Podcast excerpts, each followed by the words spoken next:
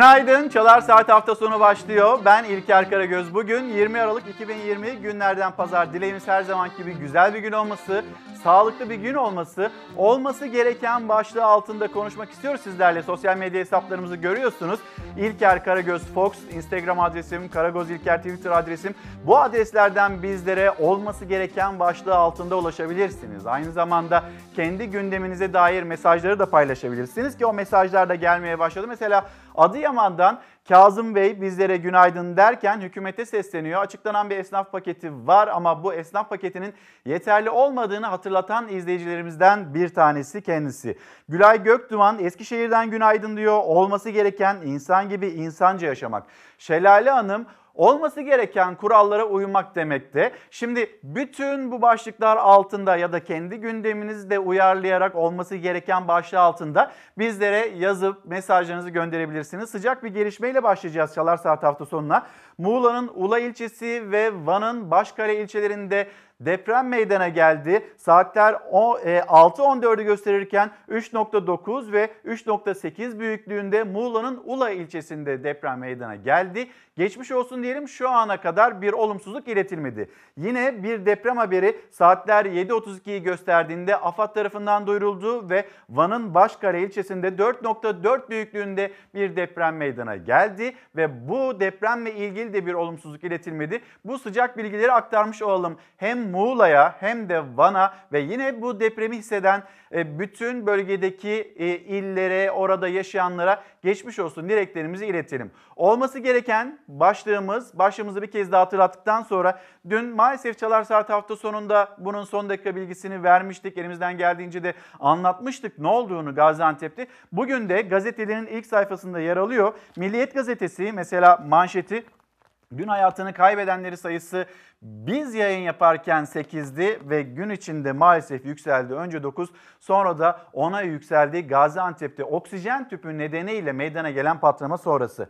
Oksijen faciası e, Milliyet gazetesinin manşeti. Gaziantep'te özel bir hastanenin yoğun bakımında oksijen cihazından kaynaklanan yangın hastaları öldürdü. Gaziantep'te özel Sani Konukolu Hastanesi'nin 19 hastanın bulunduğu COVID-19 yoğun bakım ünitesinde oksijen cihazından çıkan yangında 10 kişi yaşamını yitirdi. Ölenler arasında artık yoğun bakım ihtiyacı kalmamış servise çıkmaya hazırlanan hastalar da vardı. Hastaları kurtarmaya çalışan 16 personel de yangından etkilendiler ve dün o personelin nasıl oradaki hastaları kurtarmak için mücadele ettiğinin görüntülerini paylaşmıştık ve maalesef burada can kaybı ona yükseldi.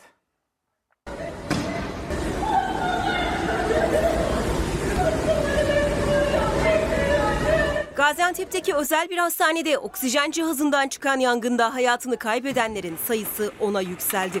Faciaya yol açan patlama riskinin önceden bilindiği ve Sağlık Bakanlığı'nın uyarı yazısının bir gün önce tüm hastanelere gönderildiği ortaya çıktı. Özellikle yoğun bakımda bizim yüksek akımlı oksijen vermek üzere daha çok kullandığımız high flow dediğimiz bir cihazdan kaynaklanan sorunla yangının çıktığını biliyoruz. Gaziantep Özel Sani Konukoğlu Hastanesi'nde 19 hastanın tedavi gördüğü COVID-19 yoğun bakım ünitesinde sabah 4.45'te oksijen verilen solunum cihazı patladı. Çıkan yangın kısa sürede kontrol altına alındı ancak serviste yatan yaşları 64 ile 85 arasında değişen 10 hasta hayatını kaybetti. Ölenlerden biri Sekilli Belediyesi'nin eski belediye başkanı Ali Saffet Kanpolat'tı. Aynı serviste yatan 10 hasta da çevredeki hastanelere nakledildi. 16 hastane personeli de hastaları tahliye ederken dumandan etkilendi. 7'si yoğun bakımda tedavi altına alındı. Yangın sırasında yaşanan panik böyle görüntülendi. Hastane personeli hastaları kurtarmak için camdan içeri girdi. Patlamanın ardından yoğun bakım servisi harabeye döndü. Yakınlarının cenazelerine teslim almaya giden bazı hasta yakınları tepkiliydi. Bu kadar sorumsuzluk mu olur? Nasıl patlıyor? Kimse yok mu tüpün başında? Yoğun bakımda kimse yok mu?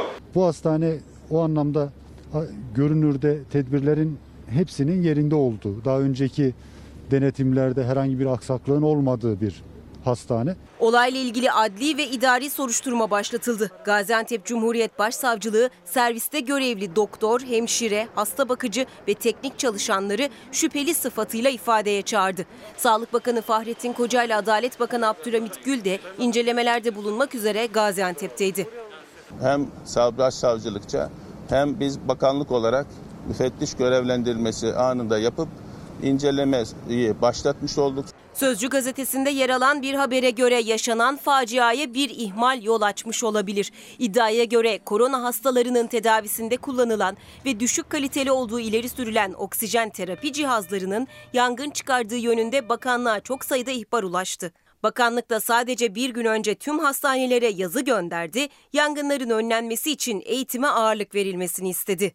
Bu anlamda kusur tespit edildiğinde e, vatandaşımız şundan emin olsun yapılması gereken her neyse yapılma noktasında kararlı olacağımızdan vatandaşımız emin olsun. Olması gereken e, buradaki uyarılara kulak verilmesiydi ve yine Karar Gazetesi. Karar Gazetesi'nin ilk sayfasında da bu haber var.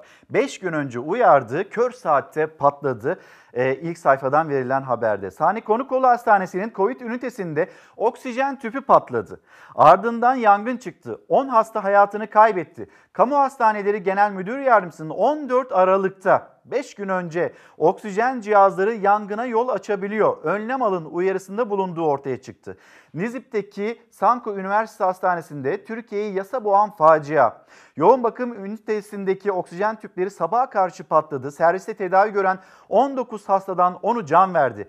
Gaziantep Cumhuriyet Başsavcılığı soruşturma ilişkin iki savcının görevlendirildiğini e, açıkladı. Sağlık Bakanı Bakanlığı Kamu Hastaneleri Genel Müdür Yardımcısı Hasan Arslan'ın 14 Aralık'ta 81 ile yazı gönderip cihazlardan kaynaklı yangınlara karşı önlem alınmasını istediği ortaya çıktı. Yazıda yüksek akış oksijen terapi cihazlarının bir kısmında yangınlar meydana geldiğine dair geri bildirimler alınıyor. Siz de bu konuda personeli aslında uyarın denildi ama işte biz bunu yaşadık. Olması gereken buradaki kurallara, buradaki uyarılara bir kulak verilmesiydi. Şimdi bu patlama bir ihmal var mı yok mu? Orada herkes can hıraş bir şekilde hastaları yetişmeye çalışıyor. Hastaları hayatta tutmaya çalışıyor. Ama diğer tarafıyla o cihazların bir kullanım kapasitesi var ve o kapasiteyle ilgili de ciddi uyarılar yapılmış. Bakın bu cihazlarda problem olabilir. Bu cihazlar yangına sebep oluyor.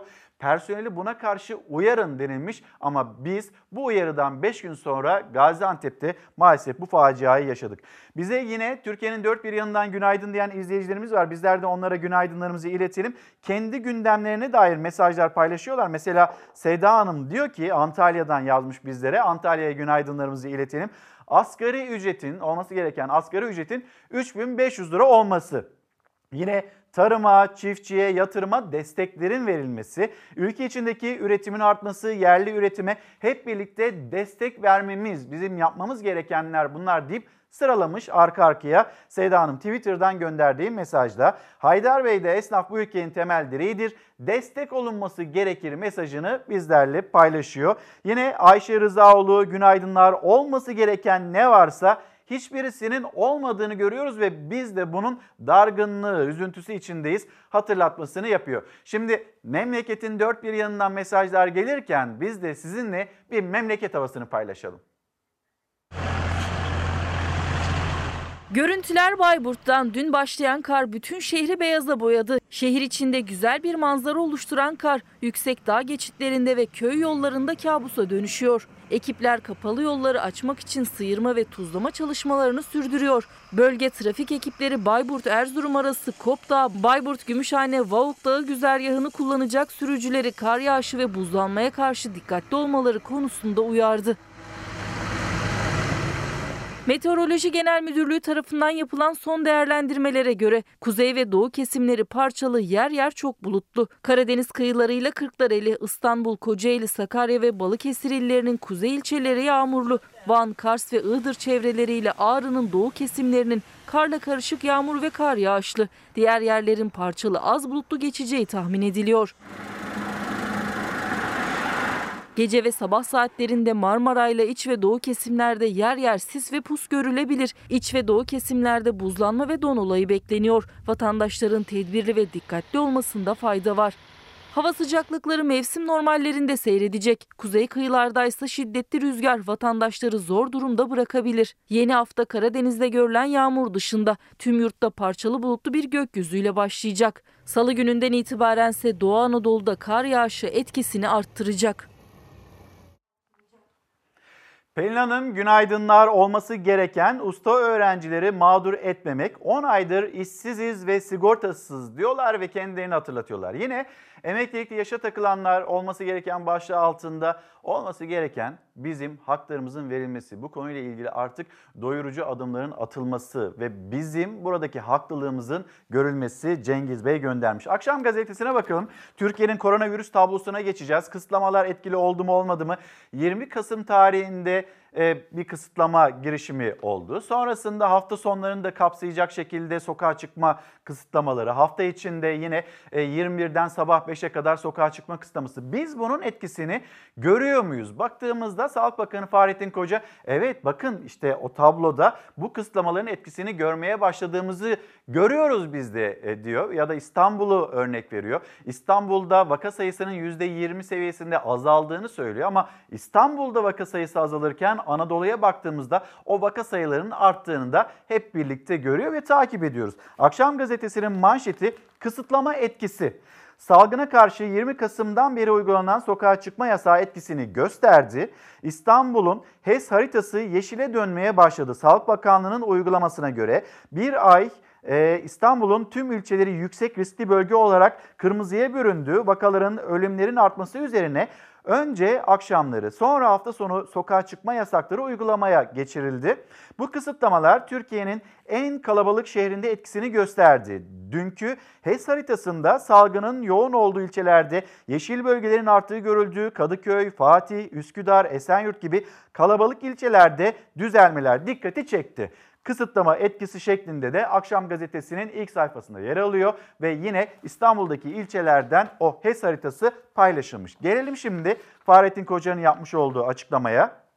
Tespit edilen hasta sayısı 4002. Yeni hastamız var diyor. Ağır hasta ve aktif vaka sayımız düşmeye devam ediyor. Tedbir ve kısıtlamaların etkisini görüyoruz. Önümüzdeki günlerde daha belirgin neticeler almaya da başlayacağız diyor. Bir temenniyi aslında ortaya koyuyor Sağlık Bakanı. Salgınla ancak birlikte mücadele edilebilir. Evet bu kesinlikle doğru. Bir seferberlik halinde olmamız lazım ve tek başına yenebileceğimiz bir virüsle karşı karşıya değiliz. Dün bir izleyicimiz Hatice Hanım yanlış hatırlamıyorsam maskeye de karşı, aşıya da karşı, işte bu tedbirlere de karşı ama böyle bir yere e, varamayız. Yani bizim bilime dayanmaktan başka hiçbir çaremiz yok ve kurallara uymamız gerekiyor. Olması gereken bu. Şimdi tabloya baktığımızda işte hastanelerde tedavi görenlerin sayısı 4002 hastalarımızın sayısı, hayatını kaybedenlerin sayısı yine çok yüksek. 241 vatandaş koronavirüs nedeniyle hayatını kaybetti.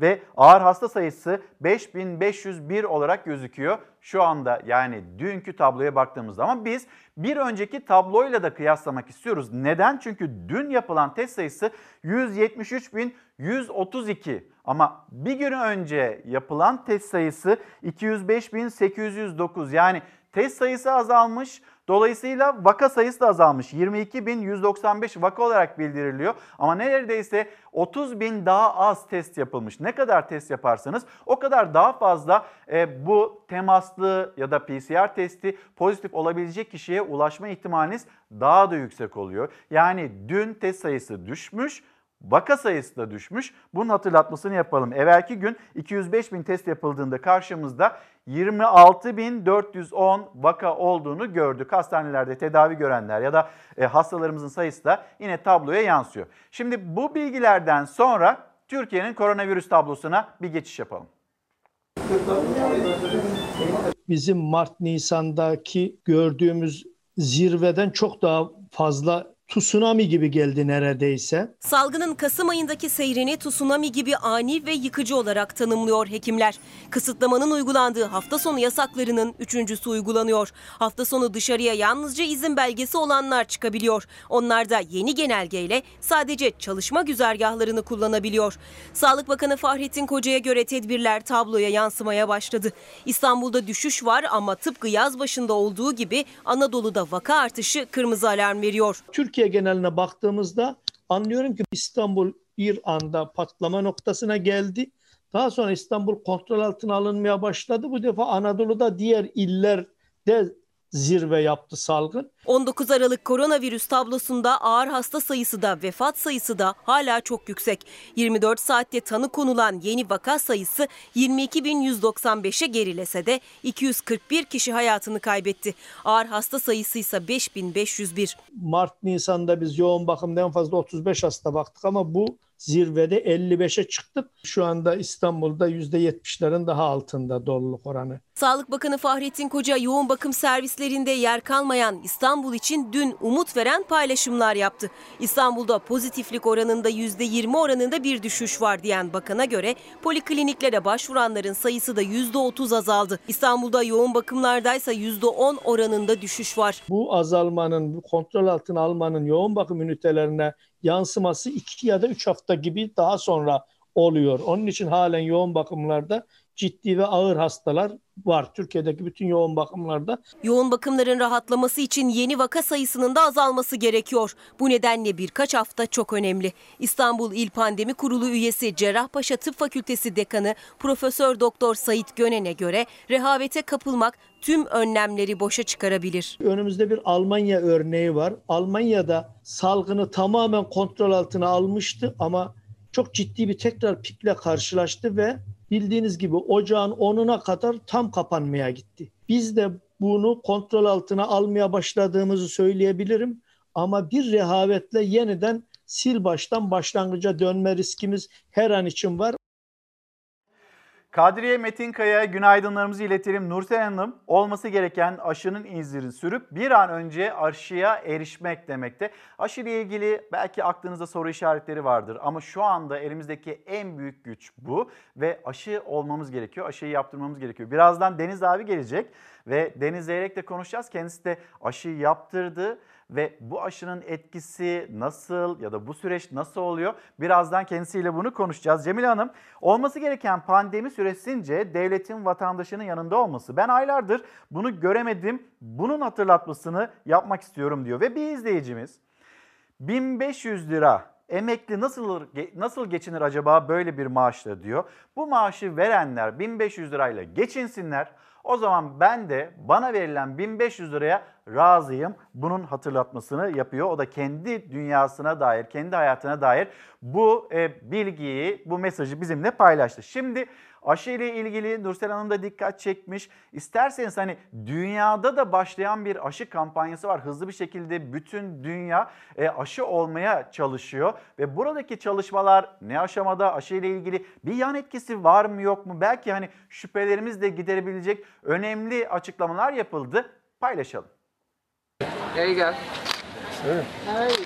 Vaka ve can kayıplarının önü alınamadı. Yaklaşan yılbaşı öncesi Avrupa ülkeleri birbiri ardına karantinaya girmeye başladı. İngiltere Başbakanı Boris Johnson bu hafta başlarında tespit edilen yeni koronavirüs türünün eski türünden %70 daha fazla bulaşıcı olduğunu söyledi. Yeni bir paniğin fitilini ateşledi. And now take a deep breath in.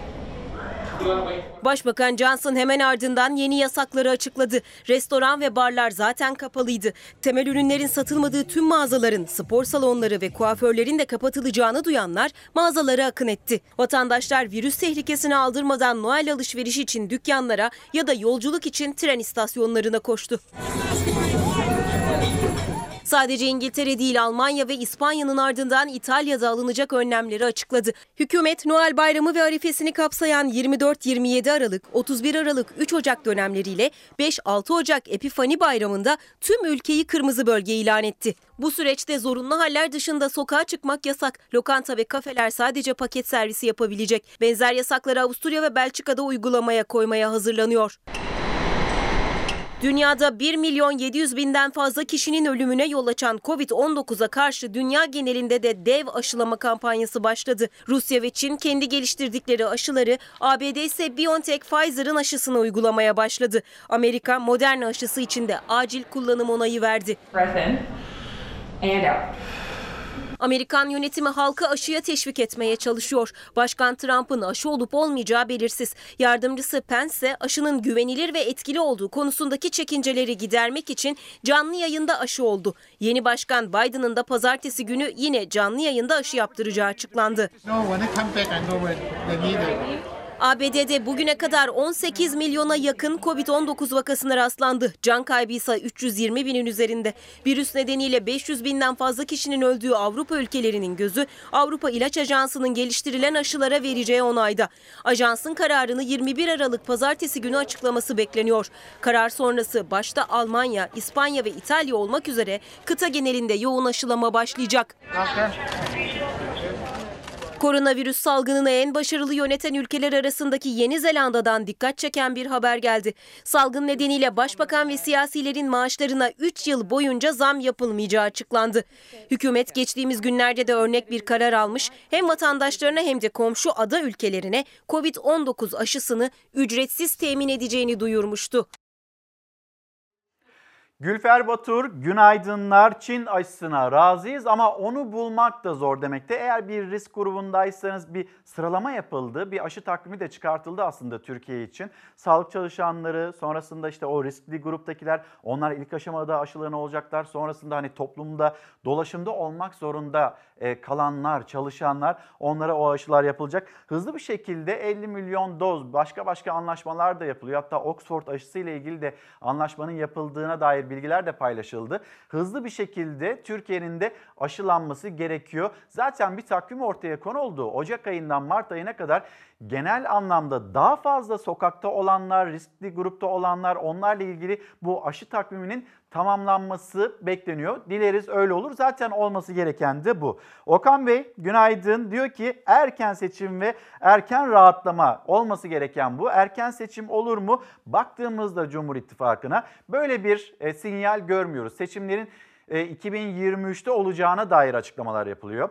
Ama siyaset kulislerine baktığınızda 2021 yılının Haziran'ında bu seçimin gerçekleşeceği söyleniyor. İyi Parti cephesinden de duyuyorsunuz bunu, farklı farklı partilerden de duyuyorsunuz. Yani acaba bu seçimler 2023 deniliyor ama 2021'in Haziran'ında olur mu olmaz mı? Bu soruyu da yine sizlere sormuş olayım. Çokça mesaj geliyor elimden geldiğince okuyacağım ama ekonomiye dair bir haberle devam edelim. Cumhuriyet Gazetesi'nden sonra bereketli bir habere geçeceğiz. Ayşe teyzenin filesi artık boş. Çarşı pazar, ateş pahası, esnaf müşteriye fiyatı söylemeye utanıyor. Ülkedeki mevcut ekonomik kriz salgınla daha da derinleşince fiyatlar uçtu. Esnafın satışı %80 düştü. Yurttaş çarşı pazarı gezen Cumhuriyet ekibine dert yandı. 1 kilo portakal 10, biber 16 lira. Geçen yıl 13 lira olan kuru fasulye 20 liradan satılıyor. Pazarda konuştuğumuzda yurttaşlar artık taneyle meyve alabildiklerini anlatıyor. Elindeki poşeti gösteren bir yurttaş. Daha yemeklik doğru düzgün bir şey almadım. 65 lira tuttu diyor. İnsanlar 70 lirayla girdiği pazardan şimdi 150 liradan aşağı çıkamadığını belirtiyor. Esnafsa daha dertli. Satışları %50, %80 düşmüş. Vergi ve kira paralarını ödeyemiyorlar. Fiyatların %80'e varan oranda arttığını söyleyen bir esnafın müşteri fiyatı sorunca artık söylemeye utanıyorum sözü her şeyi ortaya koyuyor. Ayşe teyzenin filesi artık boş ve aslında işçiler için öyle, Emekliler için öyle ve bu ülkenin dar gelirleri için öyle, asgari ücretle geçinmeye çalışanlar için öyle. Ve yine bir emeklimi yazmış da az önce paylaştım. 1500 lira benim maaşım. 1500 lirayı bana layık görenler, reva görenler alsınlar, yaşasınlar. Yaşayabiliyorlarsa ben de razıyım. İşte o mesajı paylaşıyor ve Cumhuriyet Gazetesi'nin manşeti. Bu habere geri döneceğiz. Ekonomi konuşacağız. Yani Meclis Genel Kurulu'nda o kuru ekmek tartışması bütçeye nasıl damga vurdu? Bunu yine konuşmak istiyoruz sizlerle. Olması gereken ne? Vatandaşın rahat yaşaması, ferah yaşaması değil mi? Ama bununla ilgili de bir takım adımların atılması gerekmiyor mu? Esnaf için öyle, asgari ücretli için öyle. Peki Olan ve olması gerekenler yine hep birlikte konuşalım isteriz. Gelelim hamsi bereketi haberine.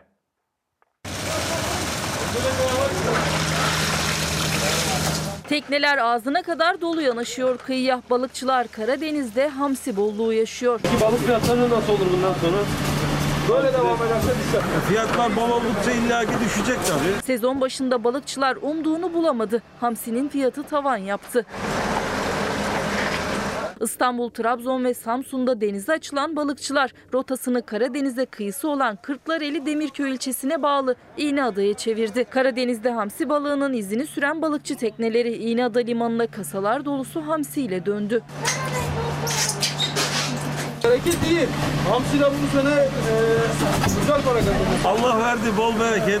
Hamsi protein kaynağı. Yüzü gülen balıkçılara göre böyle giderse hamsinin tezgahtaki fiyatı düşer. Onları sevindiren hamsi tüketicinin de sofrasına bereketiyle iner. Ferdi Bey günaydın olması gereken temizlik, maske, mesafe bu kurallara uyduğumuzda ve yine o aşı hayatımıza girdiğinde biraz daha rahatlama imkanına kavuşacağız ve Ferdi Bey de e, o önemli 3 altın kuralı hatırlatıyor bizlere. Cumhuriyet Gazetesi yine geri döneceğiz Cumhuriyet Gazetesi'ne, Karar Gazetesi'ne de. Bir Sözcü Gazetesi'ne bakalım. Sözcü Gazetesi'nin manşeti say say bitmez. Belediyelerle ilgili usulsüzlük raporları böyle dedirtti. Sayıştay 2019 yılı belediye denetim raporlarını yayınladı. Kadroların nasıl doldurulduğu, paraların nasıl savrulduğu tek tek anlatıldı. İşte öne çıkanlar. 1. Ordu Belediyesi. Bir yılda 13 özel kalem müdürü değiştiği bu yolla 8 kişi sınava girmeden başka kurumlara memur atandı. 2. Kayseri Belediyesi. 51 usulsüzlük saptandı. Şartları taşımayan 43 personel sınavsız müfettiş, zabıta, itfaiyeci yapıldı. 3. Kocaeli Belediyesi. Metro ihale sözleşmesine yurt dışı gezisi ve araç temini maddesi de eklendi. 5 gün Berlin'de gezdiler. 4. Rize Belediyesi 6 kişi önce başkan yardımcısı yapıldı. Sonra da sınavsız şekilde şube müdürlüğü görevine getirildiler. 5. Bursa Belediyesi. Temsil için 24 milyon lira harcandı. 31 daire şube müdürü mevzuata aykırı olarak bu bütçeyi kullandı. 6. İstanbul Belediyesi 0-4 yaş arası çocuk sahibi 100 bin anneye ücretsiz toplu ulaşım kartı verilmesi mevzuata aykırı bulundu. Say say bitmez deniliyor Sözcü gazetesinin manşetinde. Şimdi bu kadar böyle bazı kadroları asansör kadro olarak kullanıyorlar. Özellikle özel kalem e, müdürlüğü kadrolarını oraya birisini alıyorsunuz. Bir ay kadar bekletiyorsunuz. Sonrasında da istediğiniz yere devlet memuru olarak atayabiliyorsunuz. Yani hiçbir sınava tabi olmadan. Ama bu ülkenin yetişmiş olan gençleri var ya da bu işi layığıyla yapabilecek olan pek çok kişi var. Onların böyle bir atamadan, onların böyle bir görevlendirmeden, böyle bir iş kazanımından haberleri yok. Zaten onlara da sunulmuyor bu. Ama şu Cumhuriyet Gazetesi'ndeydi yanılmıyorsam bir haber var. Yani birileri çok kolay işlere erişebiliyor ama birileri sadece geçici iş için bile ne kadar büyük başvuru olduğunun hatırlatması Cumhuriyet Gazetesi'nde.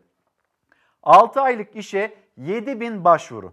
İktidarın iyimser tablolar çizmesine karşın açılan sınırlı sayıdaki işçi alımları acı gerçeği gözler önüne seriyor. Son olarak Şanlıurfa'da 6 aylığına çalıştırılmak üzere 100 şoför alındı. 2 günde 7053 kişi başvuru yaptı. Sadece 2 günde 7053 kişinin başvuru yaptığını ve bu işin geçici olduğunu, 6 aylık bir iş olduğunu hatırlatalım. Bu ülkede yoksulluk bitti, aşırı yoksulluk, biz onu hallettik. Bir de öznel yoksulluk var kendisini. Yoksul olmasalar da kendilerini yoksul hissedenler var. Mental olarak da orayı da çözdüğümüzde hiçbir sorun kalmayacak cümleleri kurulurken işte 6 aylık geçici bir iş ve 100 kişi alınacak 7000'den fazla başvurunun yapıldığı. Ve yine diğer tarafta bazı kadrolar, bazı kişiler ve istedikleri şekilde sınava bile tabi tutulmadan hop güzel bir şekilde işlerine kavuşabiliyorlar. Ve buradan da hayvancılığa geçeceğiz. Hani hayvancılıkla ilgili, tarımla ilgili haberleri sürekli takip ediyoruz ve sizlerle paylaşıyoruz. Bizim tarımda bir problemimiz var. İthalat gibi ve bu ithalat problemi zaten e, çiftçinin belini büküyor. O konuya da geleceğiz ama bir de hayvancılıkla ilgili çarpıcı bir haber. Tarım Bakanlığı, Tarım ve Köy İşleri Orman Bakanlığı yani Tarım Bakanlığı Orman Bakanlığı'na karşı garip bir durumla karşı karşıyayız. Onu da bir hatırlatalım. Böyle taş üstüne koyuyoruz. Balcılığıyla uğraşıyoruz işte. Yer olmadığı için mallar yağmurdan kırılır yani. Bizim malcılığıyla geçim kaynağımız. Hayattaki tek dayanağını, oğlunu 3 yıl önce Hakkari'de vatan toprağına şehit verdi. Bekir Kılınç şimdi hemşerileriyle birlikte geçim kaynağını, ekmeğini kaybetme korkusu yaşıyor. Afyonkarahisar'ın Bolvedin ilçesine bağlı Karayokuş köyünde hayvancılıkla uğraşan küçük üreticinin çoban evlerine, ağıllarına yıkım kararı çıktı. Orman arazisini işgal ettiler diye. Yani bir yanda tarım hayvancılık, diğer yanda orman. Tek bakanlığın iki kolu Afyon'da karşı karşıya kaldı. Bunlara destek vereceğiniz yerde ağıllarını yıkmak hangi vicdana sığar? Orman kanunu var da burada orman mı var? Orman kanunu varsa hayvancılık kanunu niye yok? Atların özgürce koştuğu, koyunların otladığı yaylalarda atalarından beri hayvancılık yapan Afyonlular şaşkın. Orman Genel Müdürlüğü'nden tebligat ulaştı ellerine. Hayvan barınaklarını, çoban evlerini boşaltmaları istendi. 26 Aralık'a kadar boşaltmazlarsa ağıllar yıkılacak. Üstelik yıkım masrafı da hayvancının üstüne kalacak. Uyduruk ağılları betonarme bina mı sanıyor? Yoksa gökdelen mi sanıyor? 4 artı bir şey mi sanıyor?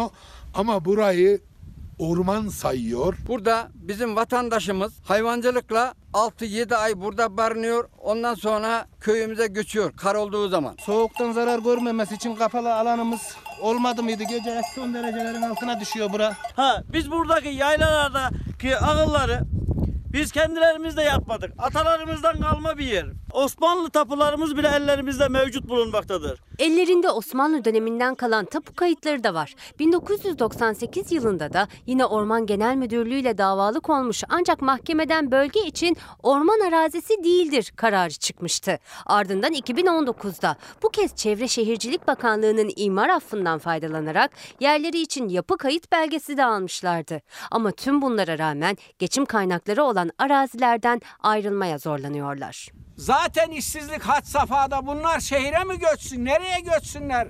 Yaylalarını yıkmayı iptal edin, durdurun derhal. Efendim devam ediyoruz. Sözcü gazetesi yazarı Deniz Zeyrek şu anda yanımda. Deniz abi günaydın. Günaydın.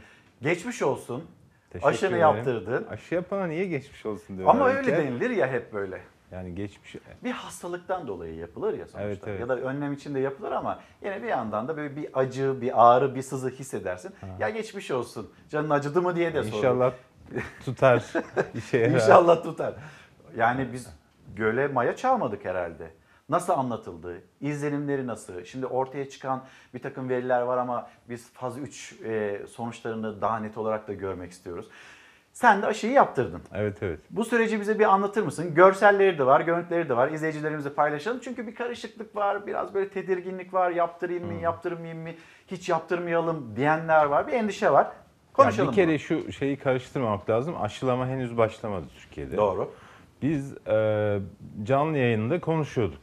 E, aşı işte bizim e, Veys Ateş moderatörümüz herkese tek tek aşı olacak mısın diye sordu.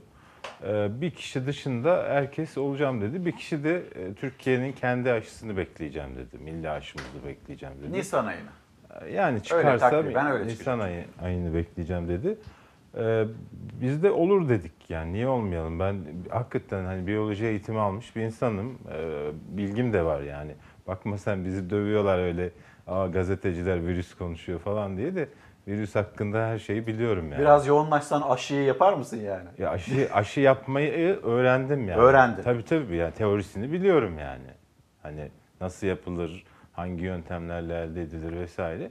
Şimdi dolayısıyla da bu bilimle hani geçmişte gazeteci olmasam şu anda bir bilim insanı olacaktım büyük ihtimalle.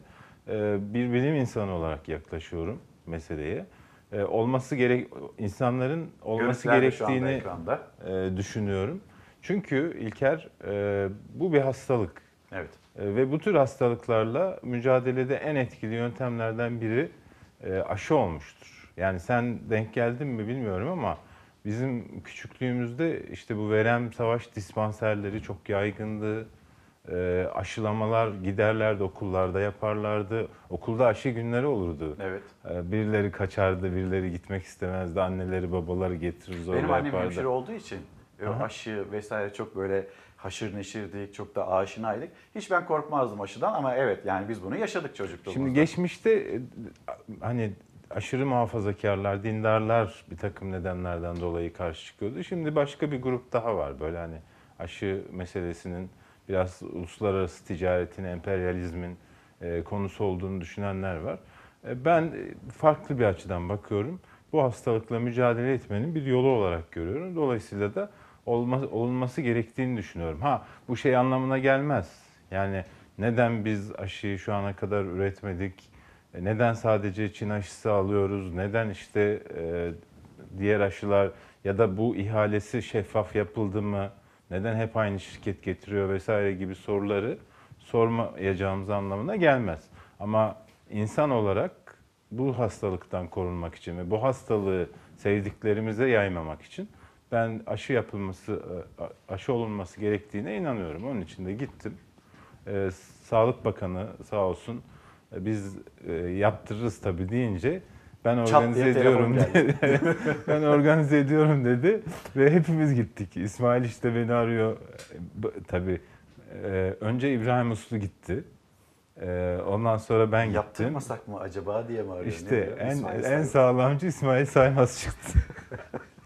Beni iki kere aradı. Abi aşı oldun mu? Olalım mı? Ne diyorsun diye. Öyle Ama ekranda da olacağım dedi. Tabii tabii. Tabii. Yani e, Yan etkisi var mı? Yani ne- ben de nasıl olmadı. hissediyorsun kendini? Şöyle ben Böyle- de biliyorsun daha önce antikor çıkmıştı. Evet. O işte seviyesi 0.96'ya düşmüş. Birin altına düştüğünde negatife dönüyor. Yani birin altını negatif sayıyorlar. Bir koruyuculuğu yok diye. Ee, onun için e, git hani gittim e, ve çok iyi bir ekip var orada şehir hastanesinde bu işle uğraşan. Böyle canla başla çalışıyorlar ve çok bir- güzel bir düzen kurulmuş. İnsanlar randevu almışlar. Ee, o randevu saatinde geliyor herkes aşısını önce tabii test yaptılar. Yani bir PCR testi yaptılar bir de e, antikor testi yaptılar. Antikorun varsa zaten aşıya ihtiyacın yok. E, PCR'da virüs sende var mı yok mu? Virüs olana da çünkü yapılmaz. Zaten virüsün canlısı var vücudunda. Ölü, ölü virüs zikretme, zikretmenin bir şeyi yok e, vücuduna. E, ikisi de uygun çıkınca bir gün sonra gittim aşıyı yaptırdım. Şimdi her akşam ve her sabah ateşimi ölçüp e, not tutuyorum. Bunların hepsi bilimsel veriler. Sonra 850'li bir numara var. E, arıyorlar e, işte gruplar halinde soruyorlar işte şu şu şu belirtiler görüldü mü işte e, görüldüyse 1'e görülmediyse 0'a basın. E, şu şu şu belirtiler Sonradan görüldüğünde- takibi yapılıyor. Tabii tabii.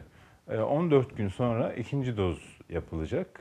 E, Ondan sonra da herhalde yeni yıla e, antikorlarımla Bol birlikte antikorlu bol antikor günler. çok yüksek çıkıyormuş. Yani biz mesela normalde ben farkına varmadan geçirdiğimde 4.3 falan çıkmıştı. E, tabii bu e, bitiyor. Yani ay- 4.3 antikorum var. E, artık ebediyen O da mesela Deniz abi yani farkına varmadan geçirdin bu hastalığı. Ee, yani pek çok kişi var böyle. Tabii tabii ama şu önemli bu antikor seviyesi düşüyor zamanla. Evet. Yani her ay bir miktarı gidiyor. E, Dolayısıyla da antikorum var diye e, sonsuza kadar kalmıyor. Yani o antikorlar da düştüğü için e, böyle bir ihtiyaç doğabiliyor. Aşı yaptıranlarda genelde Ne kadar koruyacak peki? Yani ne diyor sağlık çalışanları? ya, antikorun miktarına bağlı. Antikor böyle e, hani belli e, şeylerle düşüyor. E, mesela bazılarında 110 falan çıkmış. O mesela bir seneden fazla idare eder. Ama işte bazılarında 15, 18, 20 o civarda çıkmış. Onlar da 5-6 ay idare eder diyorlar. Vücuttan vücuda, bünyeden Tabii bünyeye tabii. değişecek. Tabii. Ya ben mesela e, baktırdığımda 4.3 çıkmıştı. Şimdi 1'e düştüğüne göre 2 ay, 3 ay falan ancak idare etmiş. Yani e, şiddetiyle de oran, ben, yani onu söylediler.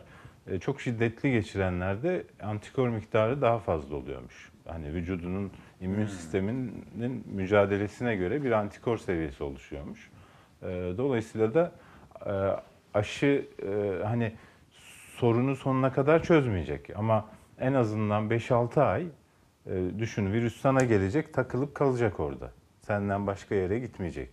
Yayılmasının önünde de çok ciddi bir engel Bir olacaktır. halsizlik, bir yorgunluk, bir E, kol uyuşması. Şöyle bende olmadı. Ee, Belki hani önceden geçirdiğim içindir. Ama şu şeyi yaşadım yani böyle bir e, halsizlik olur ya kasların ağrır, eklemlerin ağrır. E, dün işte e, böyle 6-7 saat kadar öyle bir şey hissiyat yaşadım yani. Bakalım ikinci dozda yapılsın. Sonra bir Evet. antikorları ölçelim. Evet, Bunu bir daha böyle konuşalım. belgesiyle. Belgesiyle. Yeni Evet. yıla bol antikorlu günler Ha, bir de şu var, niye Çin aşısını da tercih ettim onu söyleyeyim sana. Ee, Elde başka olmadığı için mi? Yok yok, yani şeyde e, bu e, Türk bilim insanlarının yaptığı aşı da burada üniversitede Deneniyor. deneniyor. Ee, yeni teknoloji, yani bu genetik, şimdi virüsün etrafında bir protein kılıf var, bir de ortasında genetik materyal var. Bu korona aşısınınki mRNA dedikleri bir e, bu RNA virüsü. O içindeki genetik materyal çoğaltılarak yapılan bir aşı. Ee, ilk defa yani teknoloji sayesinde yapılıyor. E, Çin'deki bildiğimiz dedelerimizin, e, İnaktif bir babalarımızın aşı. kullandığı Evet. e, aşı yöntemi. Yani ölü virüsü vücuda ve- veriyorsunuz. Vücutta immün sisteminiz, savunma sisteminiz ona göre antikor oluşturuyor. E, Bunu ben sağ yani en azından bildiğimiz bir yöntem diye yan etkileri çok fazla olmadığı için e, bunu tercih ettim. Şimdi keskin bir geçiş yapacağız. Evet. Ee, bugün biraz Deniz abi seni tutmak istiyorum. Bir blok siyaset, siyasetin konuştuğu, sonra siyasetin konuştuğu, vatandaşın da üzüldüğü, kır- kırıldığı ve kızdığı konular da var. Ekonomi bloğu. Bunları da geçelim. Haberlerimizle paylaşacağız. Şimdi bütçe görüşmeleri 2021 yılının bütçesi bağlandı ama biz o bütçede vatandaşa ne çıktı, çiftçiye ne çıktı, işte hani ne olacak, biz daha da rahatlayacak mıyız, milli gelirden daha fazla pay alacak mı vatandaşlar? Hani bunları konuşmadık da bir diktatörlük tartışması, bir atışması bunu konuştuk. Bayağı da hararetli geçti. Bir paylaşalım, siyaset bloğuna geçiş yapalım. Bir ülkenin cumhurbaşkanı çıkıp ülkenin muhalefetine beşinci kol derse cevap verilirken diktatör bozuntusu denirse orada düzeltilecek tek kelime vardır. Bozuntu kısmını geri alıyorum. Diktatör sizin olsun. Siz Menderes'e diktatör dediniz. Siz Özal'a diktatör dediniz. Siz Erdoğan'a demezseniz biz üzülürüz. İyi ki dediniz. Siz kurban olun bu diktatörü kurban olun. Anayasal olarak ordumuzun başkumandanına diktatör bozuntusu Arkadaşlar, diyen Sayın İdare Amiri, Mehmet Bey, Sayın Göker. Sayın Göker. Bu bir soytarılıktır. Bütçe görüşmelerinin finalinde diktatör tartışmasıyla sinirler gerildi, tansiyon yükseldi. AK Parti sözcüleri CHP'li Özgür Özel'in İspanya diktatörü Franco benzetmesiyle Erdoğan'a hedef alan sözlerine tepkide birleşti. AK Parti CHP sıraları hop oturup hop kalktı. Diktatör diktatör diyor dur- duruyorsunuz. Diktatörlük sizin ruhunuza yuva yapmış. Recep Tayyip Erdoğan %52 alıyor. Millet de dombrayla Recep Tayyip Erdoğan diye karşılıyor ya. Sayın Erdoğan çıkmış Türkiye'deki muhalefet 5. kol faaliyetidir diyor. Diktatör Franco şunu söylüyor. Dört koldan Madrid'i kuşattık, beşinci kol içeride çalışıyor diyor. Casusları, hainleri ve yerel işbirlikçileri söyleyerek. Franco'nun ruhu bugün CHP'de yaşıyor. Sizde yaşıyor, bizde değil. Özgür Bey, Tayyip Bey diktatöre kızmıyor. Bu konuda yargı kararları da var. Diktatör bozuntusu niye diyorsun adama? Diktatör desene kardeşim de orada. Diktatör kelimesi belki de bütçe rakamlarından daha çok yer aldı tutanaklarda. Vesayet suçlamaları da karşı karşıya getirdi tarafları. Demokrasinin yanında değil, vesayetin arkasında durdunuz. Biz reformları yaparken statükoyu savundunuz, vesayetten medet umdunuz. Asker vesayetinin yerini ne aldı biliyor musunuz? Mafya aldı, mafya. Yargı vesayetinin yerinde cemaatler aldı. Tarikatlar aldı. Bu onlardan daha kötüdür, daha beterdir. İşi o kadar ileri götürdünüz ki dışarıdan vesayet dilenmeye başladınız. İktidarı sandıkta arayın, sandıkta. Temiz kağıdı alıp almayacağımıza yapılacak ilk seçimlerde millet karar verir. Son seçimde size oy veren AK Partili annelerden, babalardan öncelikle helallik alamazsınız, helallik. Siz yargının üzerinde tek adam vesayeti kurdunuz. 54 tane belediyemize kayyım atadınız, seçim adaletini, sandık hukukunu çiğnediniz. Bir de vesayetimizi ortadan kaldırdık diyorsunuz. Vesayetin en büyüğünü siz yaptınız. 2020'nin son günlerine bütçe rakamlarıyla birlikte diktatör ve vesayet düellosu da damgasını vurmuş oldu. Deniz abi meclis bunu konuşuyor ama bir mesaj var. Bu mesajdan sana dönmek istiyorum. Amatör futbolcular 10 aydır perişan durumdalar. Ne mesleklerini icra edebiliyorlar ne de bir kuruş gelir elde edebiliyorlar. Yaklaşık böyle 200 bin, 300 bin insan var böyle. Hem evlerini geçindiriyor hem spor yapan amatör futbolcular. Onların durumunu da bir hatırlatayım. Şimdi bizim meselemiz ne olacak denilirken mecliste bütçe görüşmeleri ve böyle bir diktatör Evet. polemiği. Ya işte bu siyaset niye var? İnsanların sorunlarına çözüm bulmak için var. Ee, maalesef bu kavgalar bu sorunlarla çok örtüşmeyen kavgalar. Yani e, bence bunların tartışılması iyi bir şey. Böyle özgürce tartışılması da iyi bir şey. Ee, yani Türkiye'de Franco dönemi var mı desen yok derim yani. Franco dönemini e, bilmek lazım, okumak lazım. İspanya İç Savaşı'ndan sonra Franco'nun orada yaptıklarını yani filmlere konu olan vesaire bir şey ama Türkiye'de de demokrasinin mükemmel olduğunu söylemek de zor. Türkiye'de demokraside sorunlar var. E, yargıda sorunlar var. Özgürlüklerini kaybetmiş e, işte iddianamesiz vesaire içeride yatan insanlar var. Uzun tutukluluk E, gazeteler üstünde ciddi baskı var. Yani işte görüyorsun sözcüye en son e, vergi cezası kesildi. Tek hani gazeteleri arasında en yüksek vergiyi veren e, gazete, en çok satışı olan gazete. Bir sürü diğerleri oyun yapıyor tirajlarına ilişkin. Basın ilandan haksız yere gelir elde ediyorlar vesaire. E, ama sözcüye ceza kesiliyor. Şimdi böyle bir ortamda demokrasimiz mükemmel. Ben Efkan hala sahneye dönmüş. O da enteresan bir gelişme. E, Sahneye Genel döndü. Başkan Ekonomiyle Yardımcısı ilgili de, olduktan sonra e, yine inanılmaz bir cümle. Hani Aile Bakanı cümleleri eleştiriliyordu. Efkan Ala da yoksullukla ilgili benzer bir cümle kurdu. Yoksulluk yok, bu ayıbı ortadan kaldırdık diye. Yok mu, var mı onu birazdan beri konuşuruz. takip ediyorum. Demokrasi konusundaki tavrı e, AK Parti'nin şeyinin üzerindedir Efkan Ala'nın. Onu biliyorum mesela. Yani demokrasiye e, AK Parti ortalamasından daha fazla inandığını biliyorum. Çok merak ediyorum söylediklerine yüzde yüz inanıyor mu demokrasi konusunda. Yani diktatörlük benzetmesini ben kabul etmiyorum. Çünkü diktatörlük bu demokrati demokrasi karşıtı adımlarla mücadele eden insanlara da haksızlık olur. Şu anda eğer bu ülkede e, işte kürsülerden, gazetelerden, televizyonlardan e, bir hani mücadele varsa, bir eleştiri varsa bunun de, diktatörlük ortamında olmayacağını bilmek lazım ama e, işte Osman Kavala meselesi, yargıda olup bitenler vesaire bunları da alt alta yazdığında demokrasi, demokrasimiz de öyle yüzde yüz mükemmel değil. Çok ciddi sorunları var. Basın özgürlüğü, ifade özgürlüğü, temel hak ve özgürlüklerde ciddi sorunlar var. Tartışılması güzel bir şey. Ama bunların o işte biraz önceki amatör futbolcu izleyicimize bir faydası var mı? Ya da O sadece bir örnek. Mesela müzisyenlere bir faydası var mı? Şu anda işsiz olan e, restoran, kafe, bar çalışanlarına bir faydası var mı? Yok. Yani demokrasi işte onların da refahının artırılmasını sağlayacak bir e, hani yönetim biçimidir. Bir başka konuya geçelim. Hızlı bir şekilde siyaset bloğunu bitirebilmek adına. Ee, iktidar gelirsek AK Parti'yi kapatacağız. Hani böyle bir yaklaşım içinde muhalefet dedi Cumhurbaşkanı Erdoğan. Kim demiş bunu? Böyle bir durum var mı? Hani kulislerde konuşulan bir şey var mı? Önce haberi izleyelim sonra değerlendirmeni isteyeyim. Buyurun.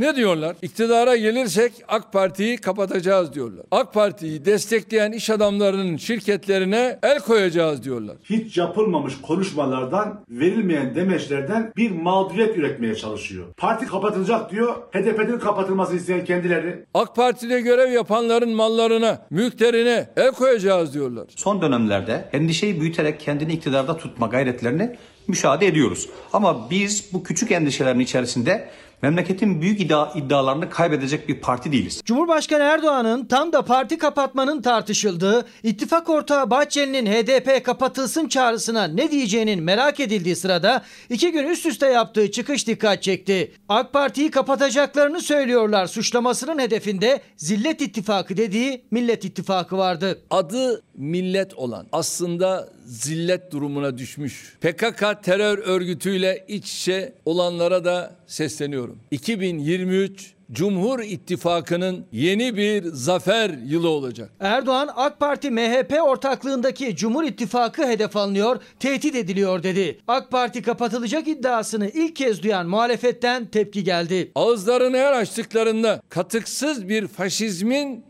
izlerini görüyoruz. Bir baskı varsa en çok bu dönemde var. Kanun hükmünde kararnameyi devreye sokuyorsun muhalifleri terbiye etmek için. Kendi trollerini devreye sokuyorsun. Mafyayı siyasi partilerin genel başkanını tehdit ettiriyorsun. Yine yetmiyor. Bir siyasi şizofrenliğe başlıyorsun. Nerede kaldı sizin demokratlığınız? Biz bunları tek parti diktatörlüğü döneminden biliriz. Millet İttifakı'nın iki ortağı CHP ve İyi Parti'den Erdoğan'ın iktidara geldiklerinde diye başlayıp ard arda sıraladığı iddialara yanıt gecikmedi. Sayın Cumhurbaşkanı'nın iktidar değişince partimizi kapatacaklar. Partimizi destekleyen iş adamlarının mallarına el koyacaklar. Partimizin propagandasını yapan basını susturacaklar, kapatacaklar diye sıraladığı cümleleri dinledik. Biz memlekete demokrasi ve hukuk vaat ediyoruz. Şimdi Türkiye'de can ve mal güvenliği yok. AK Parti'ye oy verenler de, AK Parti ile çalışanlar da rahat etsinler. Biz bunların ciğerini biliriz, ciğerini. 19 yıldan beri yeni bir mağduriyet yaratarak tekrar kendi tabanını konsolide etmeye çalışıyor. Gündem değiştirmeye çalışıyor. Türkiye'nin gerçek gündemi işsizlik, yoksulluk ve ekonomik buhran. Deniz abi şimdi herkes şaşırdı. Sen de hani kim söylemiş bunu dedin. Ee, kim söylediğini bilmiyoruz ama Ya böyle öyle bir bir cümle şey.